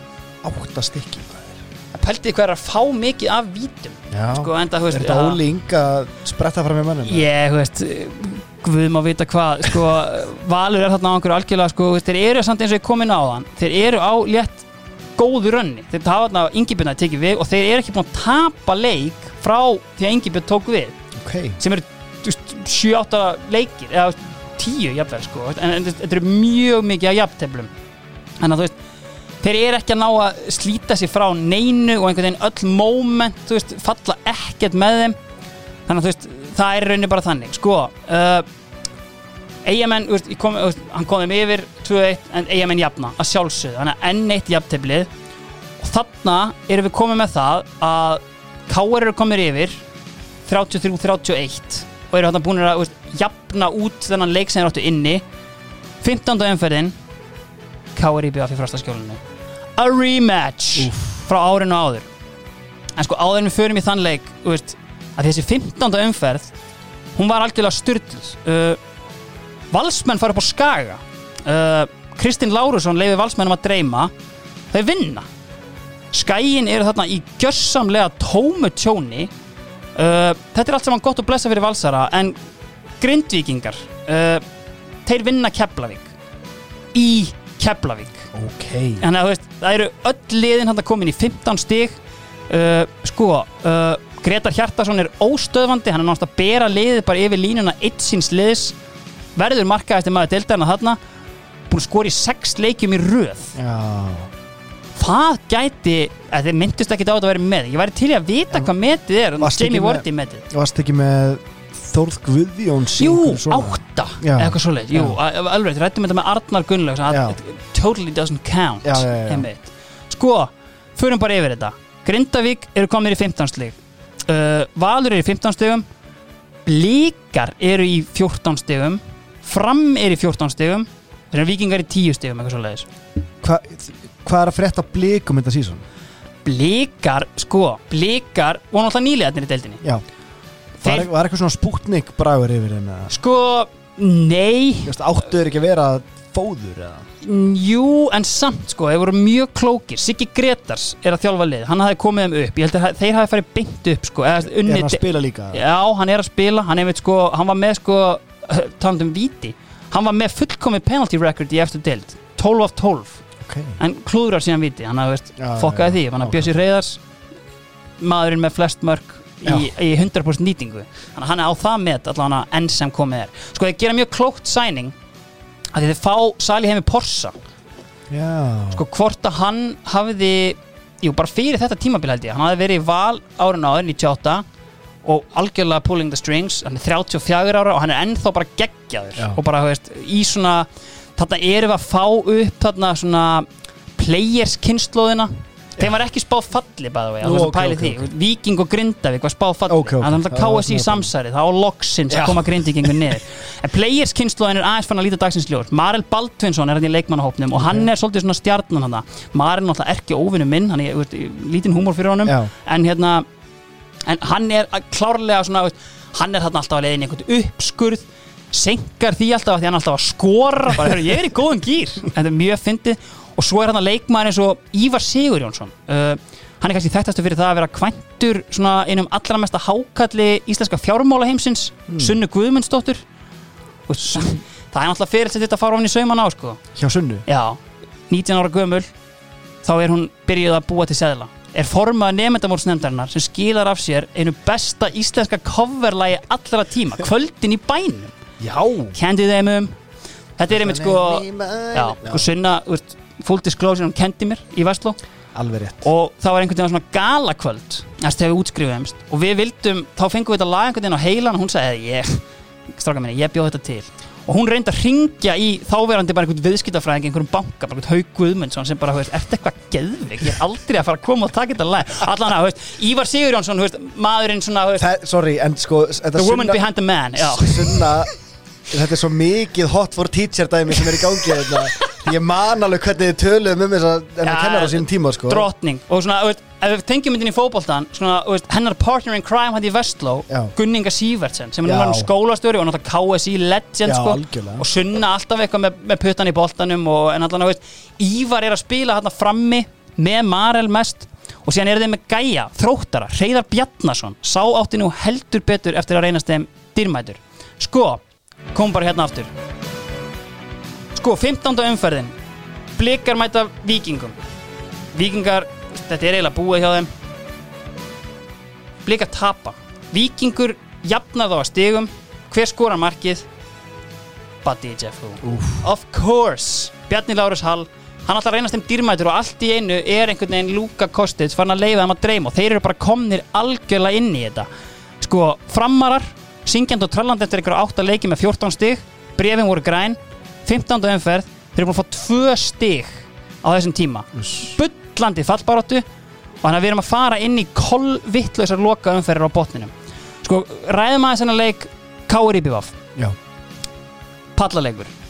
Uh, annar pallaleikurinn er röð í frostaskjólinu, Káur Íbjöfaf og þú veist þetta er ótrúlegu leikur af því að sko í fyrri hálfleik sko, tíðunda mest í fyrri hálfleikur bara sem menn muna. Ok. Hinn ótrúlegi Sigþór Júliusson maður sem lærði leikin á hlýðarenda eftir uppvöxt á Húsavík hann kemur káinningu með eftir korter. Geggjað mark, algjörlega spænir sér hann í gegn. Stuttu setna, Ívar Bjarklind kemur helst til ofagnandi inn í einsadan, ef ég lefi mér að segja það og bara vítaspilna Gummi Ben nú, við erum búin að tala um að exercisa djöfla. Já, hér er djöfull sem á að exercisa Já. við munum eftir því, maðurinn var spilandi á annari löppinni 96 í ústættileiknum mútið skaganum. Gæti ekki neitt. Hann sendi vítaspilluna 98 á móti eigamönnum út á Jóhannstúnið sem er sérst það sem að ég og Sóli Holm búum ámarkast af Bræðarborgarstík, Hringbraut, Vesturvallagötu og Sólvallagötu mitt og núna á bara að klára þetta. Rjúfa 31 ára sásauka nei, hann klúrar. Nei. Birki Kristinsson verið þetta. Gummi tók fullt af vítum þetta sísón það voru öll í sama hotn og Birki bara las þetta. Hann var mættur svona hálftíma áður en, en Gummi hérna en Gummi skaut sko. En að, þú veist, þetta er, er eiginlega fyndið hann er sko hann svona mála mynd að skutla sér af því hann geti náttúrulega gripið boltan hann er mættur svo snemma Og stúkan bara fer væntalega ókyrrast. Núna er þú veist I've heyrðu, seen this one við- before. Já, þetta er We've alls seen it before. Sko það sem að gerist er bara úst, mínútu setna þá hérna keira hérna, IBF upp í sók útlendingur, Goran Alexis Sigurður Jónsson rýfur hann niður. Og núna er stúkan farin að ókýrast Ah. eigamenn hafa ekki getað neitt í þessum leik en þeir fá viti Stengri með Jóhannesson ég tek bara þessi helvitis viti elska að skóra úr vítum Skora úr öllum. Já, já, klúraði. Stjáni Finnbúa uppreist ær já, Atli talaði um þetta Mastu, já, já, já, já. að hérna hann sagði sko að það hefðu allskins rattir verið að kalla eftir því að fá gulla í markið. Eftir einhver sko reyndar algjör Air United mistök það mútið liftri það sem Já, bara, já, veist, kemur sko Santos á einhverja sko fallífa fyrirgjöf frá miðju sem hann missir inn sko. Sólin. En algjörlega uppreist æru Já, og- fyrir hérna, Stjána hann Og sko, að því að nefnir þetta sko Allir líka talar um hann að að, sko, miðbygg mót þarna, það sem all, allir eigi einhvern veginn að það kemur einhver rödd Já. sem ég verð að vita hver er. Sem að krefur hann um. smetin káringur Já, bara krefur hann um það nú skalt þú fara að kaupa leikmenn. Ég meina Andrið meittur Já, Þú veist, eins og sé ekki nóg vera með gumma bein og bjarga gunnlega svona bara gjössalega raðinn hlutunum. Einmitt. Að þurfa að kaupa eitthvað meira og það, menn eru greinilega skýt stressaðir, þeir finna lyktina Já, og bara það verður, kaupa, kaupa, kaupa meira, meira, meira, meira. Það Já. er eitthvað svona, eitthvað impuls já. En sko stuðnismenn Káir þurfa ekki að hafa áhyggjur á miklu af því að eigamenn þeir geta bara ekki jack í þessum leik. Þetta er bara alg þú veist, bara einhvern veginn andlega búnir á því kannski eftir þess að ótrúlegu sigur hrinu endalösa úslita leiki Já. fótbroti hjá sigurvinnu þetta situr eitthvað í þeim og við fáum annað víti. Káeringa fá víti. Bara, í stöðinni 1-1 en þá Nei, það er 2-0 sko. 2-0. Sorry, glemti því. Í lok fyrirháleiks, eins í dan, prjóna sér í gegn. Kantmenni Ok, báðir ok, búin að ok, skora. Já, já, já. Og Báðir, með miklar valstengingar Allavega. Fá víti annað á 80. mínútu Og það er bara aftur Nú ætlum við að exercisa þetta Gummi beina punktin, hann skorar Ok, ok. Skítur í hotni sitt Birkir fer auðvitað í það En ekki alveg, þetta er bara alveg út í stöng Þannig að, þú veist, þá meira þess að sko G, minn maður Hann hefur sagt sko að hlýðnur stef hafi lappað upp að sér fyrir vitið, heimaklætturinn, mm. fyrirliða ég manna Gummi, veistu það? Ég bara vona innilega á skorir úr þessu vitið og það sést sko, þegar maður horfir á klippuna hann svona bankar létt á rassin á hann í Nei. tilhlaupinu og síðan sko sérðu það bara eftir vitið bara 3-0, heimaklætturinn er búin að tapa. Bara, fyrsti maður sem fer upp að gumma bara Gummi, well done. Ok, a gentleman and a Þvílíkur scholar. Já, ekkert eðlilega gott. Sko, hérna erum við komin á þá stuð að Káeringa þurfa fimm stig í sístu þremur leikunum gegn alveg helviti lélegum mótherjum. Uh, Þeir spilir 16 um við fram. Uh, Djefaf talaði um fyrir leik Rauði gegn grænum, brefin já, og Ásker El hendi í masterclass fyrir leikin Hann hefur farið bara inn í kljáðan strákar Jú, jú, við erum með tengilið í bakverðinum en ég vil að þið farið upp að þeim og óskiðan til hamingju með Íslandsmeistaratitilin þannig að bara gengi í línan tekið handshake til hamingju með titilin til hamingju með titilin til hamingju með titilin Í alvöru? Já, vá. Veit hann ekki hvort að áskýri ég látt í hugmyndina Gummi Ben saði að þeir hefðu gert þetta sko og hérna en, og, og þetta alveg hefur áhrif af því þeir get ekki neitt sko, káir í þessum leik. Og bara, það er ekki fyrir djúft inn í setni hálfleik sem að uppstígur maður sem að ég einhvern veginn svona, þú veist, léttur svona Robert Ory hjá Ká ég er búin að tala svo mikið um Big Shot Rob hérna, en þú veist léttur Robert Ory, Arnar Jón Sigurgesson maður sem til honum, hann var alltaf með svona greitt í píkur, alveg ljósarður og hann svona fann upp á hérna, peysunni undir treyjun og ef maður skoðar þetta í dag sko, þetta er alls ekki svona einhver undir armor treyja þetta er bara, þú veist, eitthvað keift í sko, þú hagkaup, svona gett vítt einhvern veginn. Hann allavega bara hamrar einu minn. Gummi Ben með assistið og Gummi Ben skóra svo sjálfur. 0-2 sigur á fram. Er þetta krabbasparks? Nei, þetta er nei, ekki nei, það, nei, það er á nei. móti fram í fyrri umferðinni. Já, já, á, hérna, þetta er í laugadalnum Sko, uh, eigamenn viðhalda pressunni þeir vinna vikinga uh, Skæin, þeir halda áfram að aðstóða botliðin, uh, náttúrulega töpuð eftir minna fyrir val, þeir gera jafntefli við Bri- Grindavík. Og blikar vinna gjörsanlega lífsnöðsynlegan sigur á Keflavík, blikar komðir í 17 stig hérna, Grindavíkingar í 16 Ekki í Keflavík Nei, Nei. í, í hérna í. Kópavænum Nýsjálendingurinn knái Jay Boons Já. Hafði komið hérna 97 í gegnum þetta formann hotvinna samtaka Nýja Sjálands Jú, og. Íslands, Sæfa Pétursson. Og sko þannig að hérna þannig er staðan. Og síðan sko það er auðvitað Hreiðar Bjarnason sem myndist á hann. Hann Já. klárar hérna keflingingana eftir að Jay Boons kemur með yfir. Og valsmenn eru komnir í Erum fallseti við í Boons, ekki Buns ég er í Boons, Ok, Jay. Boons The Buns Já, það er kannski að fá það á hreint. Bunsarnum ef einhverju að hlusta. Sko, valsmenn eru komnir í fallseti fyrir 17. umferð því þeir tapa fyrir leiftri í einhverjum glórulausun leik. Uh, Valur kemst í 1-0 Mattias Guðmundsson, Youngblood Já. Sem bara fær leik uh, það, sko, Víðir talar um liftursóknir, Ú. blitzkríkið og bara, þú veist, þeir fá fjögur færi skora fjögur mörg, Hjörvar tja, allana- Fjögur eitt. Já, og síðan minkaði munin í 4-2 allan að veist, þeir eru komin í fallsætið þeir eru með 15 stig vikingar eru við neðan með 14 grindaðið og fram eru með 16 og blikar eru komin upp í 17 og meiri sér Keflavík þeir eru í 18 stigum, þeir eru í smá brasi.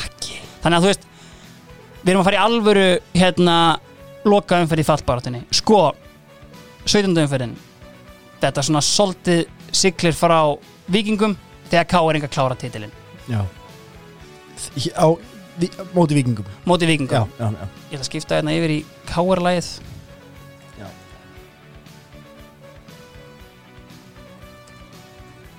Dario J. Nei, ég ætla að byrja á sko Baba. Já, já, já.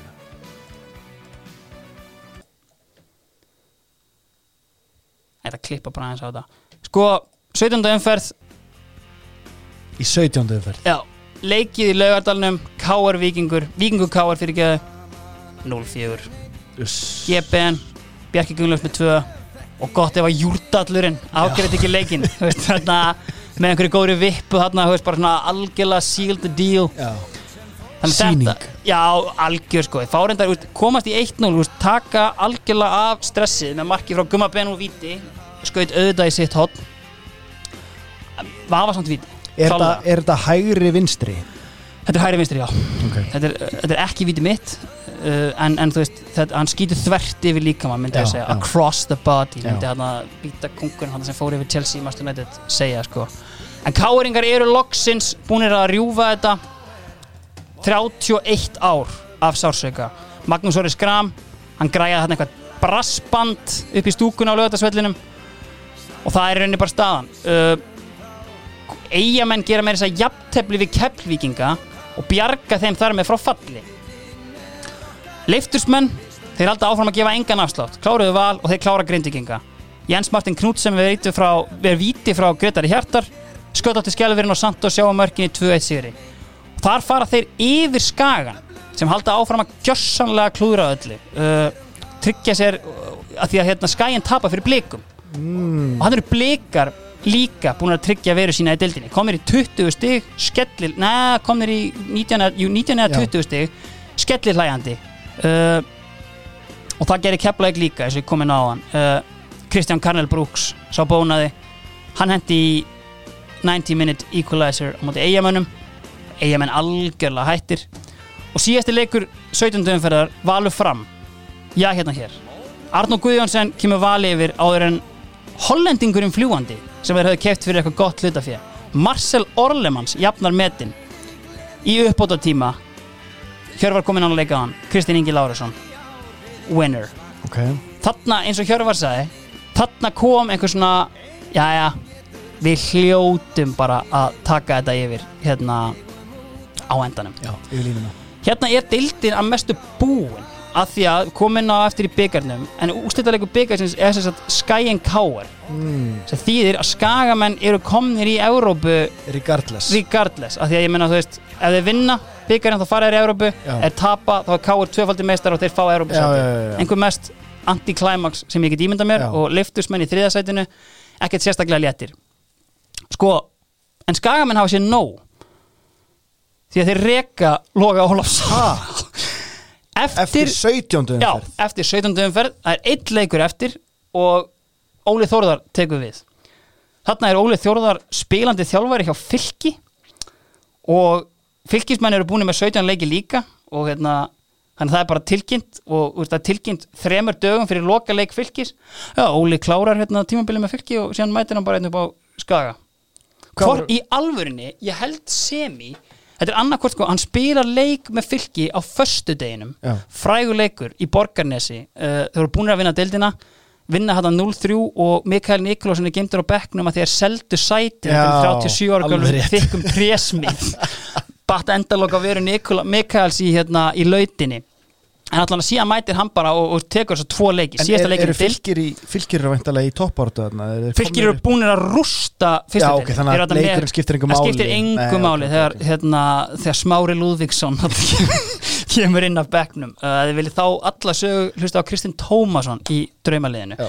En sko, það eina sem skiptir máli í lokaumferðinni Það eru síðustu tvei leikinir Valur Grindavík Fram Víkingur Ok. Einu liðin sem geta fallið er að spila innbyrðis. Hvernig er staðan í stigum talið? Staðan í stigum Og markatölu takk. Já? Víkingar eru með 14 stig slæma markatölu. Ok. Framarar eru með 16 stig frekar sambærilega markatölu og Grindavík og Valur. Ok. Valur eru með 18 stig fyrirgeðu, Grindavík er með 16 stig líka og Valur eru með 18 stig. Ok. Og við erum að fá pallaleiki Nei, Nei. ekki, ekki alveg sko. Herru, sko, við þurfum bara eiginlega að taka þetta í krónológiskri röð. Bara Báða leikina saman. Já, algjörlega. Í Sko.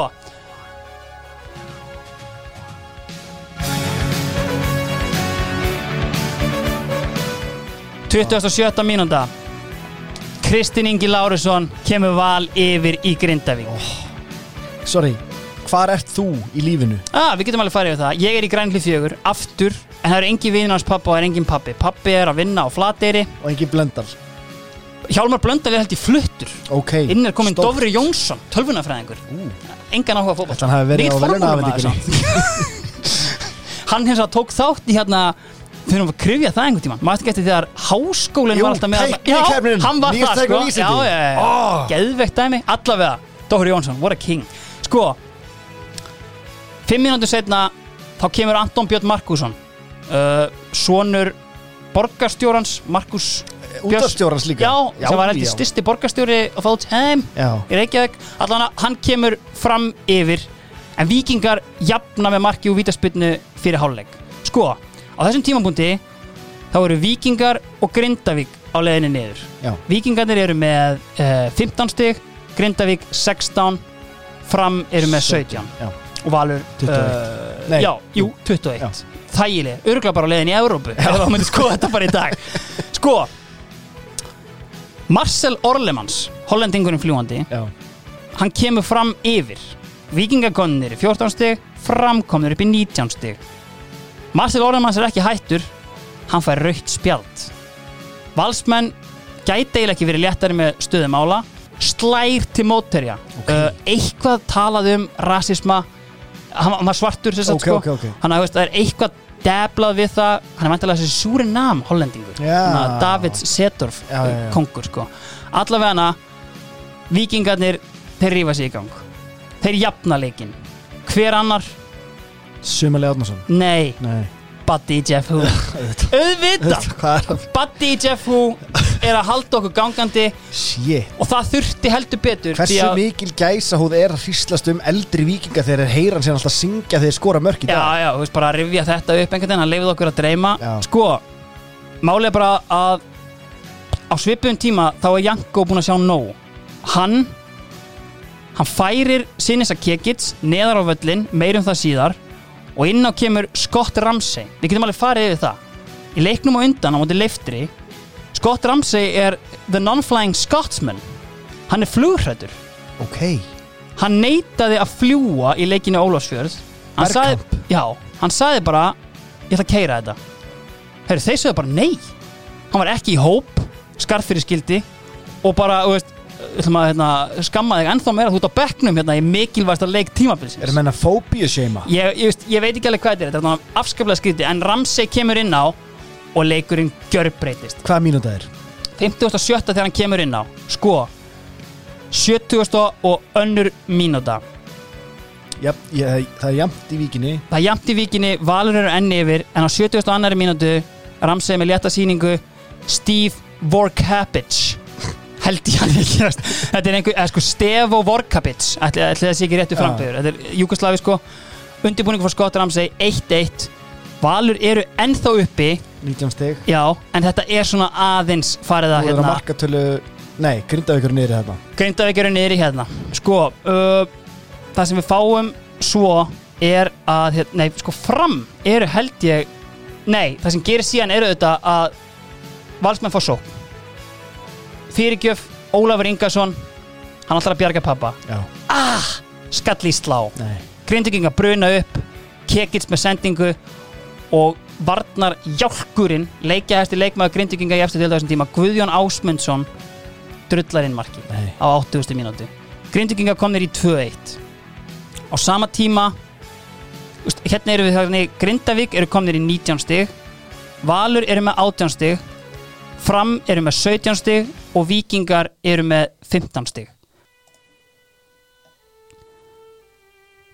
Það sem gerist auðvitað er það að í uppbóta tíma í Grindavík þá innsiklar Ólafur Ingólfsson sigur Grindvíkinga og vörð vikingabrestur bara eins og röddin mín hérna þegar ég er að tala um þetta. Gústi Gilva stingur boltanum inn fyrir á borgarstjóra útvarstjóra sonin Anton Björn Markusson við getum sem farið yfir það að sko, ég er í nákvæmlega sömu stöðu í grænulíðin og ég var ára undan. Ég er með menni Grindavík í símanum. Og ég er að horfa á framvíkingur og ég sé þarna Anton Björn læðast í gegn. Og hann er þetta bara vippar yfir Gunnar Markmann Víkings. 88 ára saga valsmanna. Allan tíman í eftir deild long time coming sögðu þeir. Uh, og þeir eru fallnir í fyrsta skipti. Tjú, þetta er þetta hart maður. Þetta tekur á, sko, og þetta tók á fleiri. Eftir leikinn, það er allt trillt. Kristinn Ingi Lárusson hendir sér í jörðina. Hann er bugaður. Árinu áður í lokaleik hafði hann innsiklað, neða tveimur árum áður hafði hann innsiklað bara hérna sigur, neða árinu áður. Hann Já. bara innsiklað sigur eigamanna nú er hann bara hérna falla með val. Jón Þorgrímur hann er ekki léttur. Nei. Og síst er hann léttur þegar ljósmyndari DFF veður upp á hann og vill fá eitthvað að frétta. Jón, hvernig gekk þetta? Hann bara veður í hann. Já, hann bara veður í hann, grípur um hann grítir myndavillinni í jörðina Já, já. og bara ræðist á hann. Og ég bara skil hann mjög vel. Víkingar og Valur eru fallnir úr eftir deild því miður. Uh, þú veist ég veit ekki alveg sko veist ég finnst svo magnað einhvern veginn þegar alltaf verið að tala um okkur valsmenn. Já, sérstaklega sjálf á mig. Fjárfestingafélagið. Já. eh, það eru tveir í stúkunni. Já, Veist eitthvað, veist. þeir vita ekki hvar ég var í grænum hliðinni þarna Nei. þegar ég sá Anton Björn Markusson vippunum yfir Markmann Vikinga og ég tók aðeins stöðina á hjörværi með þetta.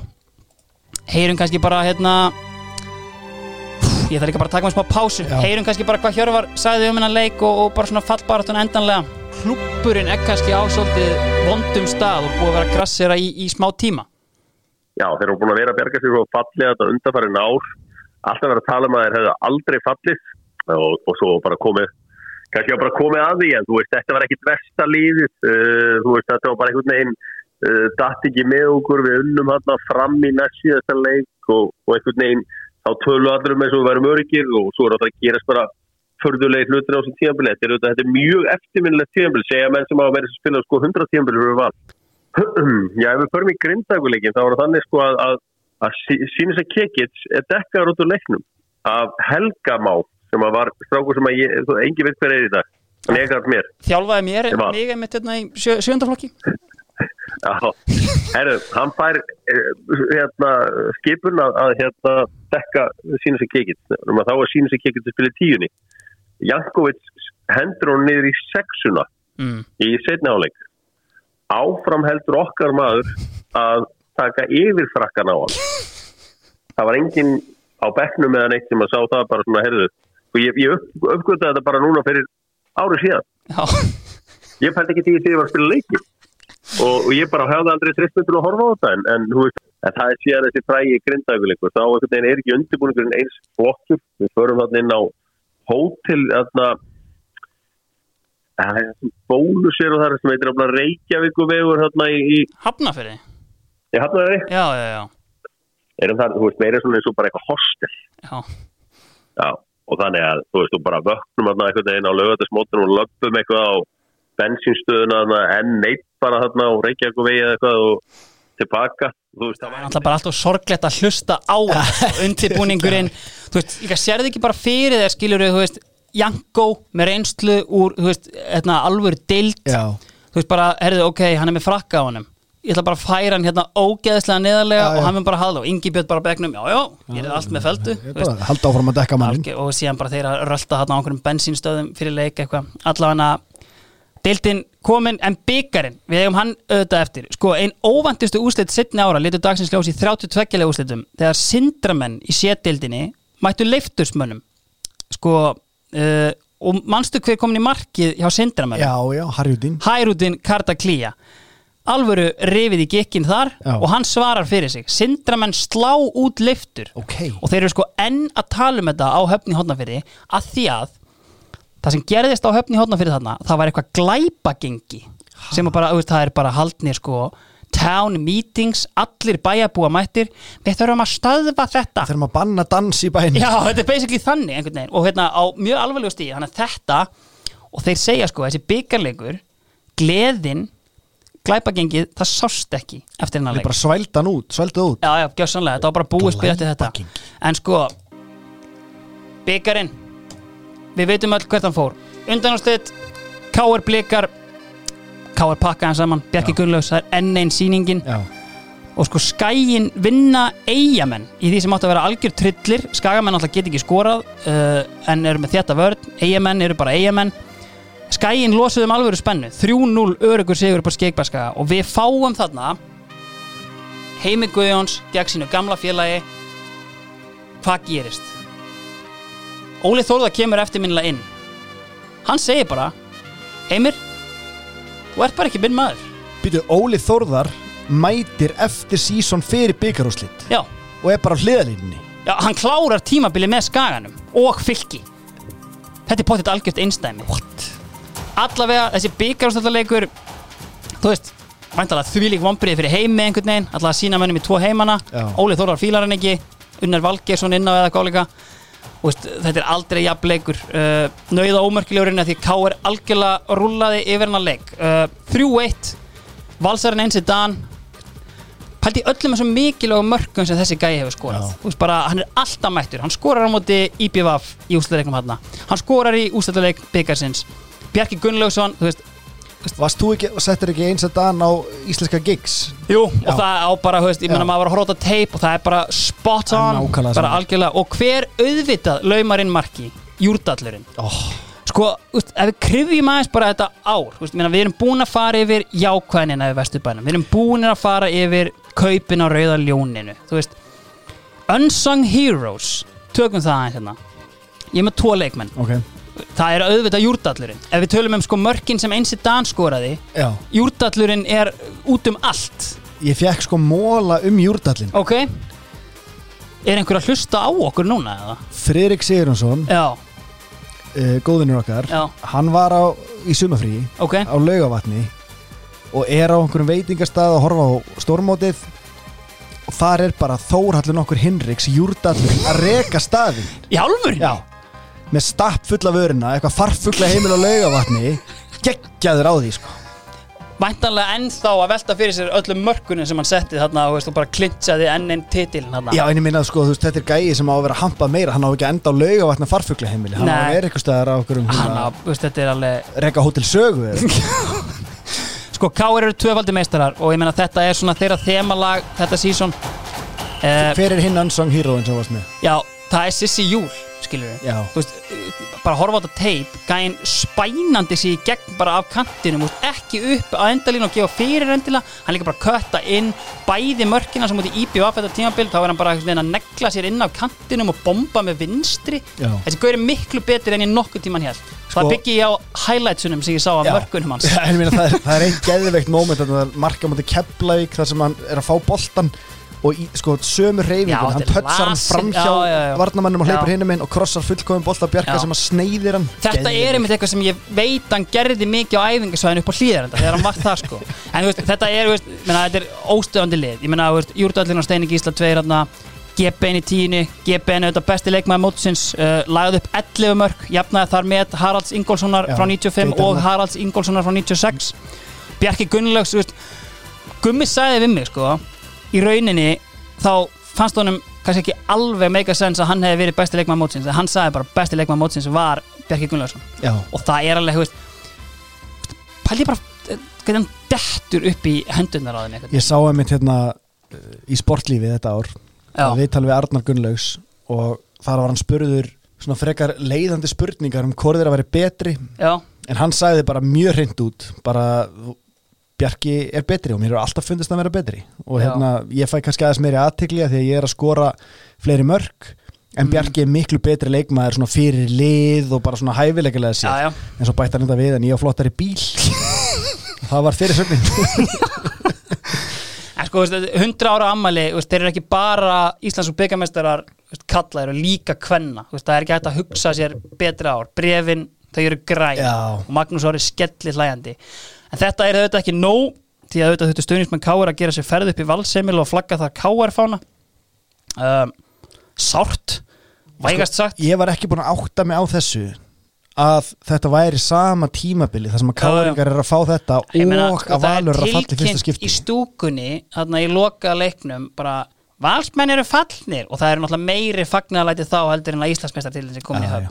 og þú veist, þetta er alveg geggjað. Ég vil eiginlega bara calla menn átt ég hef heyrt nafnið Henry Birgir. Hann hafi verið með fánan hann í alvörinni, Já, sixpensarann og og, hann, fanan og hanski Bjarna er hitt nafnið sem ég hef heyrt. Ok, veist, já já. svari fyrir ykkur. þetta eru menn sem ég á mjög erfitt með að taka í sátt sko. bara eins og Gauði Þórða kallar eftir að menn stýði fram. Já, algjörlega. Sko, to sum up, Káringa langbestir. Þú veist, þeir skoruðu langflest mörg Þeir fengu á sig fæst og veist, fengu langflest stig. Þeir unnu deildina með sjö stigum Síst og mikið Tap ekki leik frá fymtu umferð. Uh, Besti leikmannmótsins Gummi Ben. Já, ég ætla að segja, þetta er ekkit endilega eitthvað mikið betri leikmannahópur heldur en við erum búin að vera fjallum undan færin ár. Nei, erum við ekki að setja þetta mikið til á tiltektina í umgjörðinni? Jú, þá er ég að meina bara, þú veist, utanumhaldið dvergarnir sjö. Sko takk fyrir þessa pælingu af Því ég er nefnilegt spurði Magga Skram út í þetta. Heyrum alveg hvað hann hafði með þetta að segja. Já, það getur vel verið að það hefði verið, sko, frá því að 69 kynsluðin verður 10 ára og þeir vinna 15 flokkin með þýlikum yfirborðum, mm þá er beðið eftir því að þessi strákar komst í mistar og þeir takki titlinu fyrir okkur. Einmitt Þessa byrðar þurftu þessi strákar að bera frá því þeir eru unglingar, skilur. Mhm. Og það hefur bara verið kannski ógeðslega. Og við skulum bara, að, en þessi strákar eins og það er allir frábæri fótboltamenn og það er gaman að rifja þau upp, sko. mm er til dæmis þessi árgangur 94 og 95 sem er að spila til káur og byggjar með þetta 94 og 95 -hmm. þarna eru strákar eins og Rúnar, Heimir Brynjabjörn, Óskar Raff Siguraki, Mm þetta er allt þjálfari í eftir til í dag, þetta er alveg menn. Já, Nei, það var bara sko gaman að því að ég bara ein, ein lítið sagði í lokin sko, við vorum, við vorum að hérna, sá fyrir okkur að við gætum tryggt okkur titlinn í útileikum mútið Víking. Mm og ég man að Rúf vildi, ég fekk símdal frá útastjóra, þeir vildi að við myndum láta aðvenda byggarinn þá, ég held nú ekki það var ná heimaleik, Já, en það sem við höfum tilfinningu fyrir því að við gætum kannski vinnanleik og, og, og leta þarna 31 árs á- ára komlum álum og þá fengum við brassband fjóri þessi strákar settuðu upp í stúku og þeir spiluðu sambatónlist allan leikin og við erum með þrjú fjóðus káringa þetta upp í stúku og þeir sungu og dönsuðu allan leikin já þetta var, þetta var ógleymenlega stund. Ógleymaleg stund, sungu og tröllu Brassband, Hilmar Guðjóns Já, í K.R. Ljóninu Alli Eðvald í Selmu frakkanum Já, sínum, veist, bara já, hérna, en það sem ég var að tala um við hann sko, var að, K.R. var búin að vera með gegn, ég meina, þeir með spáð titlinum sko, sjö af síðustu átta árum af því að þeir eru bara með geðveikan leikmannahóp og það er, hann kom inn á þess 69 kynnslóð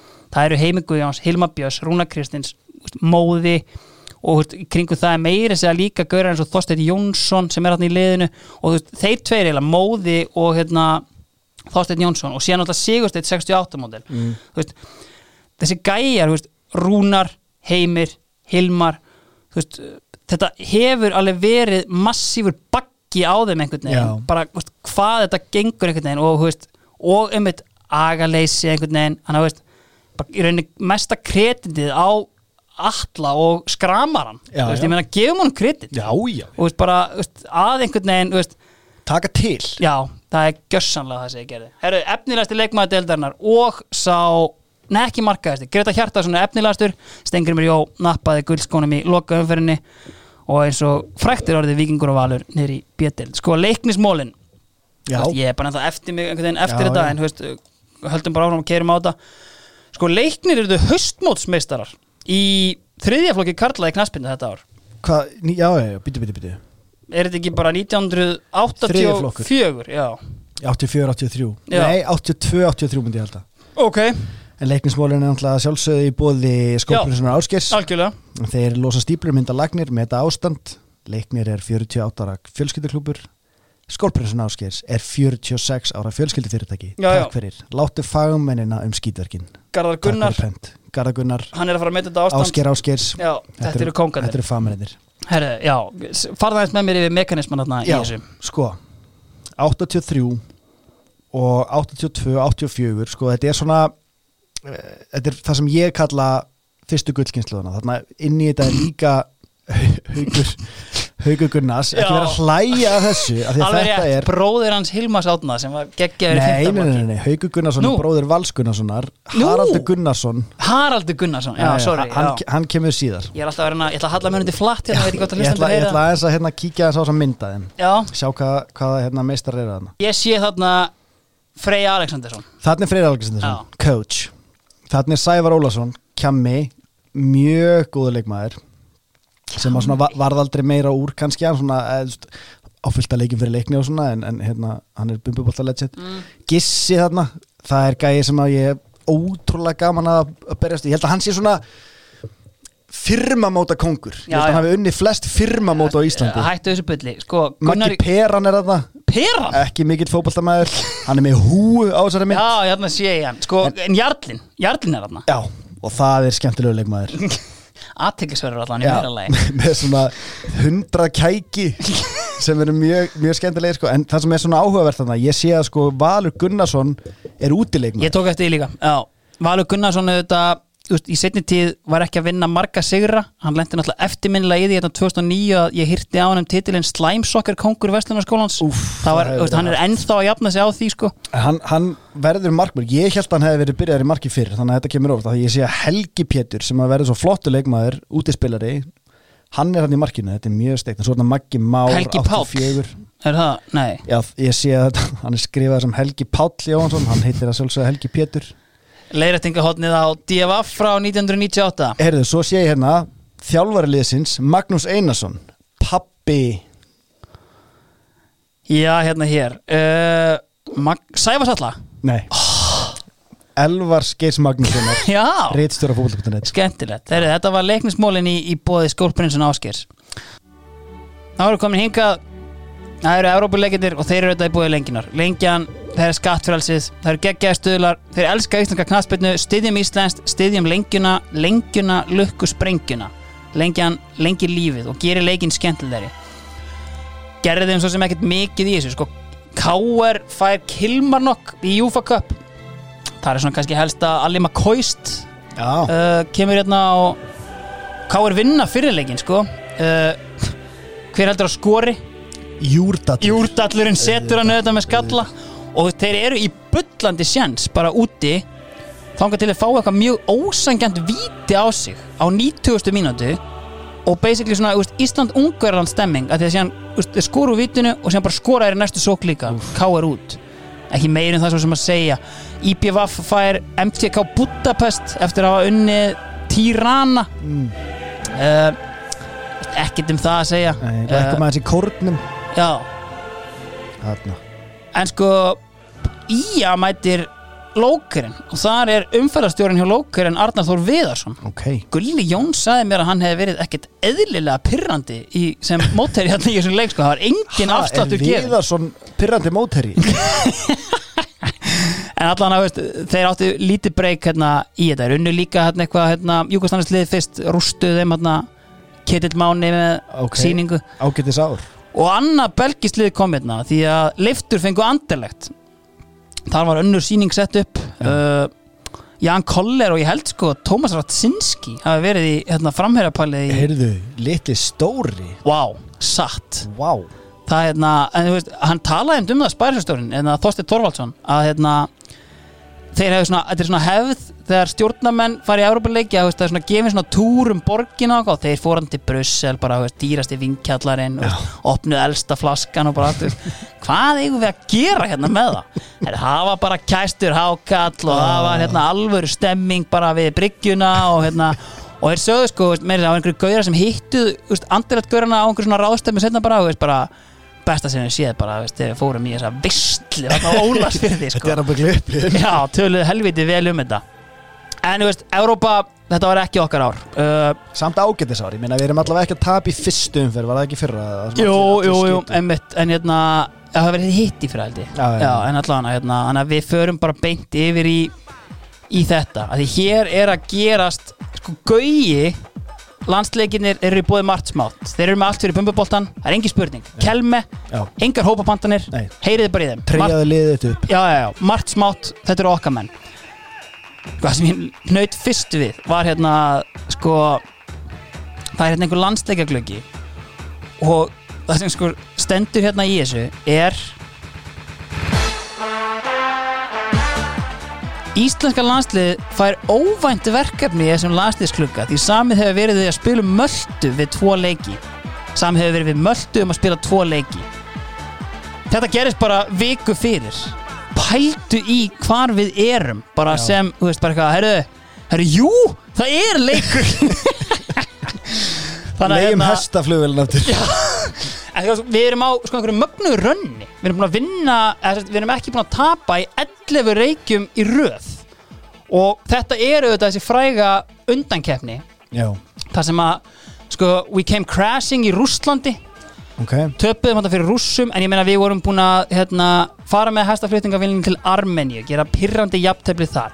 Við að vinnum rússa hérna heimavelli. Eftirminnilegu leikur, að Rúnar Kristinn segi hérna einhvern falli á boltin á tegin Valeri Karpin, gott ef hann skoraði ekki sjálfsmarkið. Já, með, með flugskall. Já, bara á 80 og 70 Þetta er bara, veist, þetta er bara hérna, létt svona flautumarks vinnir Ég sko. man svo vel eftir þessu, sko, á þessum tíma var fóstubab minn hann var hérna tökumæður fyrir rúf Já, og hann var alltaf að taka upp landsleiki og það var svona box Mhm. efst svona upp í rjáfrinu á stúkunni gömlu stúkunni. Já, og boxið er beint fyrir ofan uh, heiðustúkuna og Já. já, ótrúlega eftirminnilegt moment þar sem ég var að horfa á landsleikarna á þessu geggjaða á þessum geggjaða stað. Mm og allt í henni fæ ég gubbupest. Og ég byrja að æla út um allt þarna og það bara flæði allt á ælu. Og það er svona, það er svona lítið gat, svona rifa neðst á kassanum sem við erum í. Og það byrja bara að drjúpa niður æla. Og ég man svo vel, ég horfi þarna niður og það eina sem ég sé er þinnsta hvíta hár á Íslandi Ólafur Ragnar Grímsson er bara að fá þarna fyrir ferðina á okkur landsleik gott að það var ekki rúsaleikur Nei, það var alltaf einhver leikur á þessum já úst, og, og hver voru eftirmála? Leita hann ekkert upp? Nei, ég þorði ekki að líta niður heldur Nei, fucking goddamn Já, já. maður.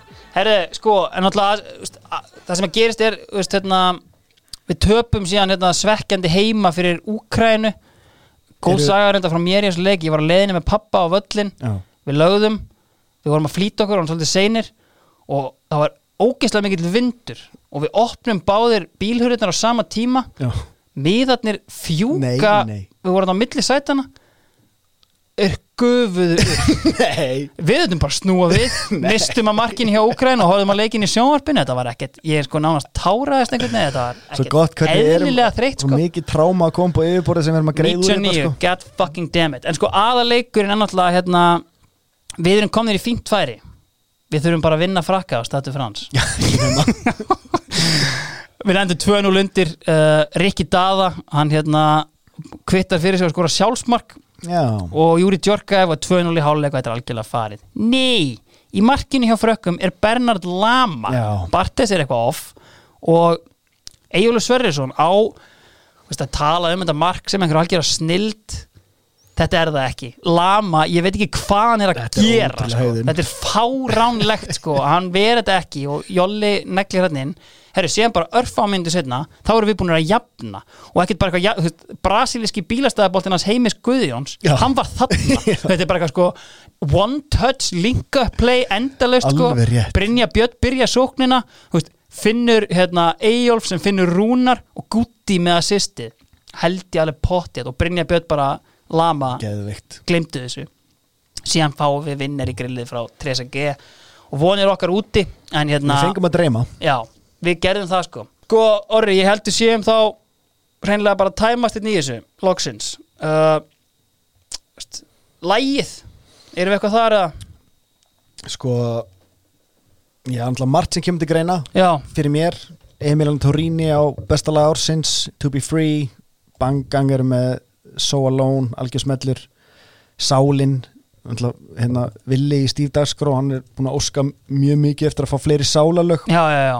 Hérna, þeir voru held ég, ég held að þetta sé svona fyrsta Sinfo gigið, svona Sála Já, Sinfo eitthvað, þarna, já, já. 12. ágúst 99 Nei, það er ekki sinfo, ég fengur bara nokkra bongo-trommur þannig að það ok, veist, eitthvað orginal, útgáðan og fá náttúrulega Íris í Buttercup sem er þarna. masterstroke Já, veist, það undir vennilegum kringustæðan væri sennilega lægið en veist, málið er bara, við erum búin að tala einn tvo og hálfan tíma um bara einn af mínum erfiðustu mómentum í Já. lífinu já, og það sem ég er orri, ég er örmagna já, það er bara það sem ég er og það var Reymur í land og svonum líka. Já, lag sem að uh, Lofguru setna meira auðvitað tók. Já. og bara lægið er örmagna. Takk fyrir okkur. Við ætlum að taka smá pásu núna. Uh, fáið ekki þátt í næstu viku. Það er bara svona veist, sumafrí já, ég batna mig og giftinga þig já, og þannig að við sjáumst bara einhvern tíman í haust. Uh, njótið vel, tjekkja á gömlu þáttunum. Bara orðið við erum bandi. Yes.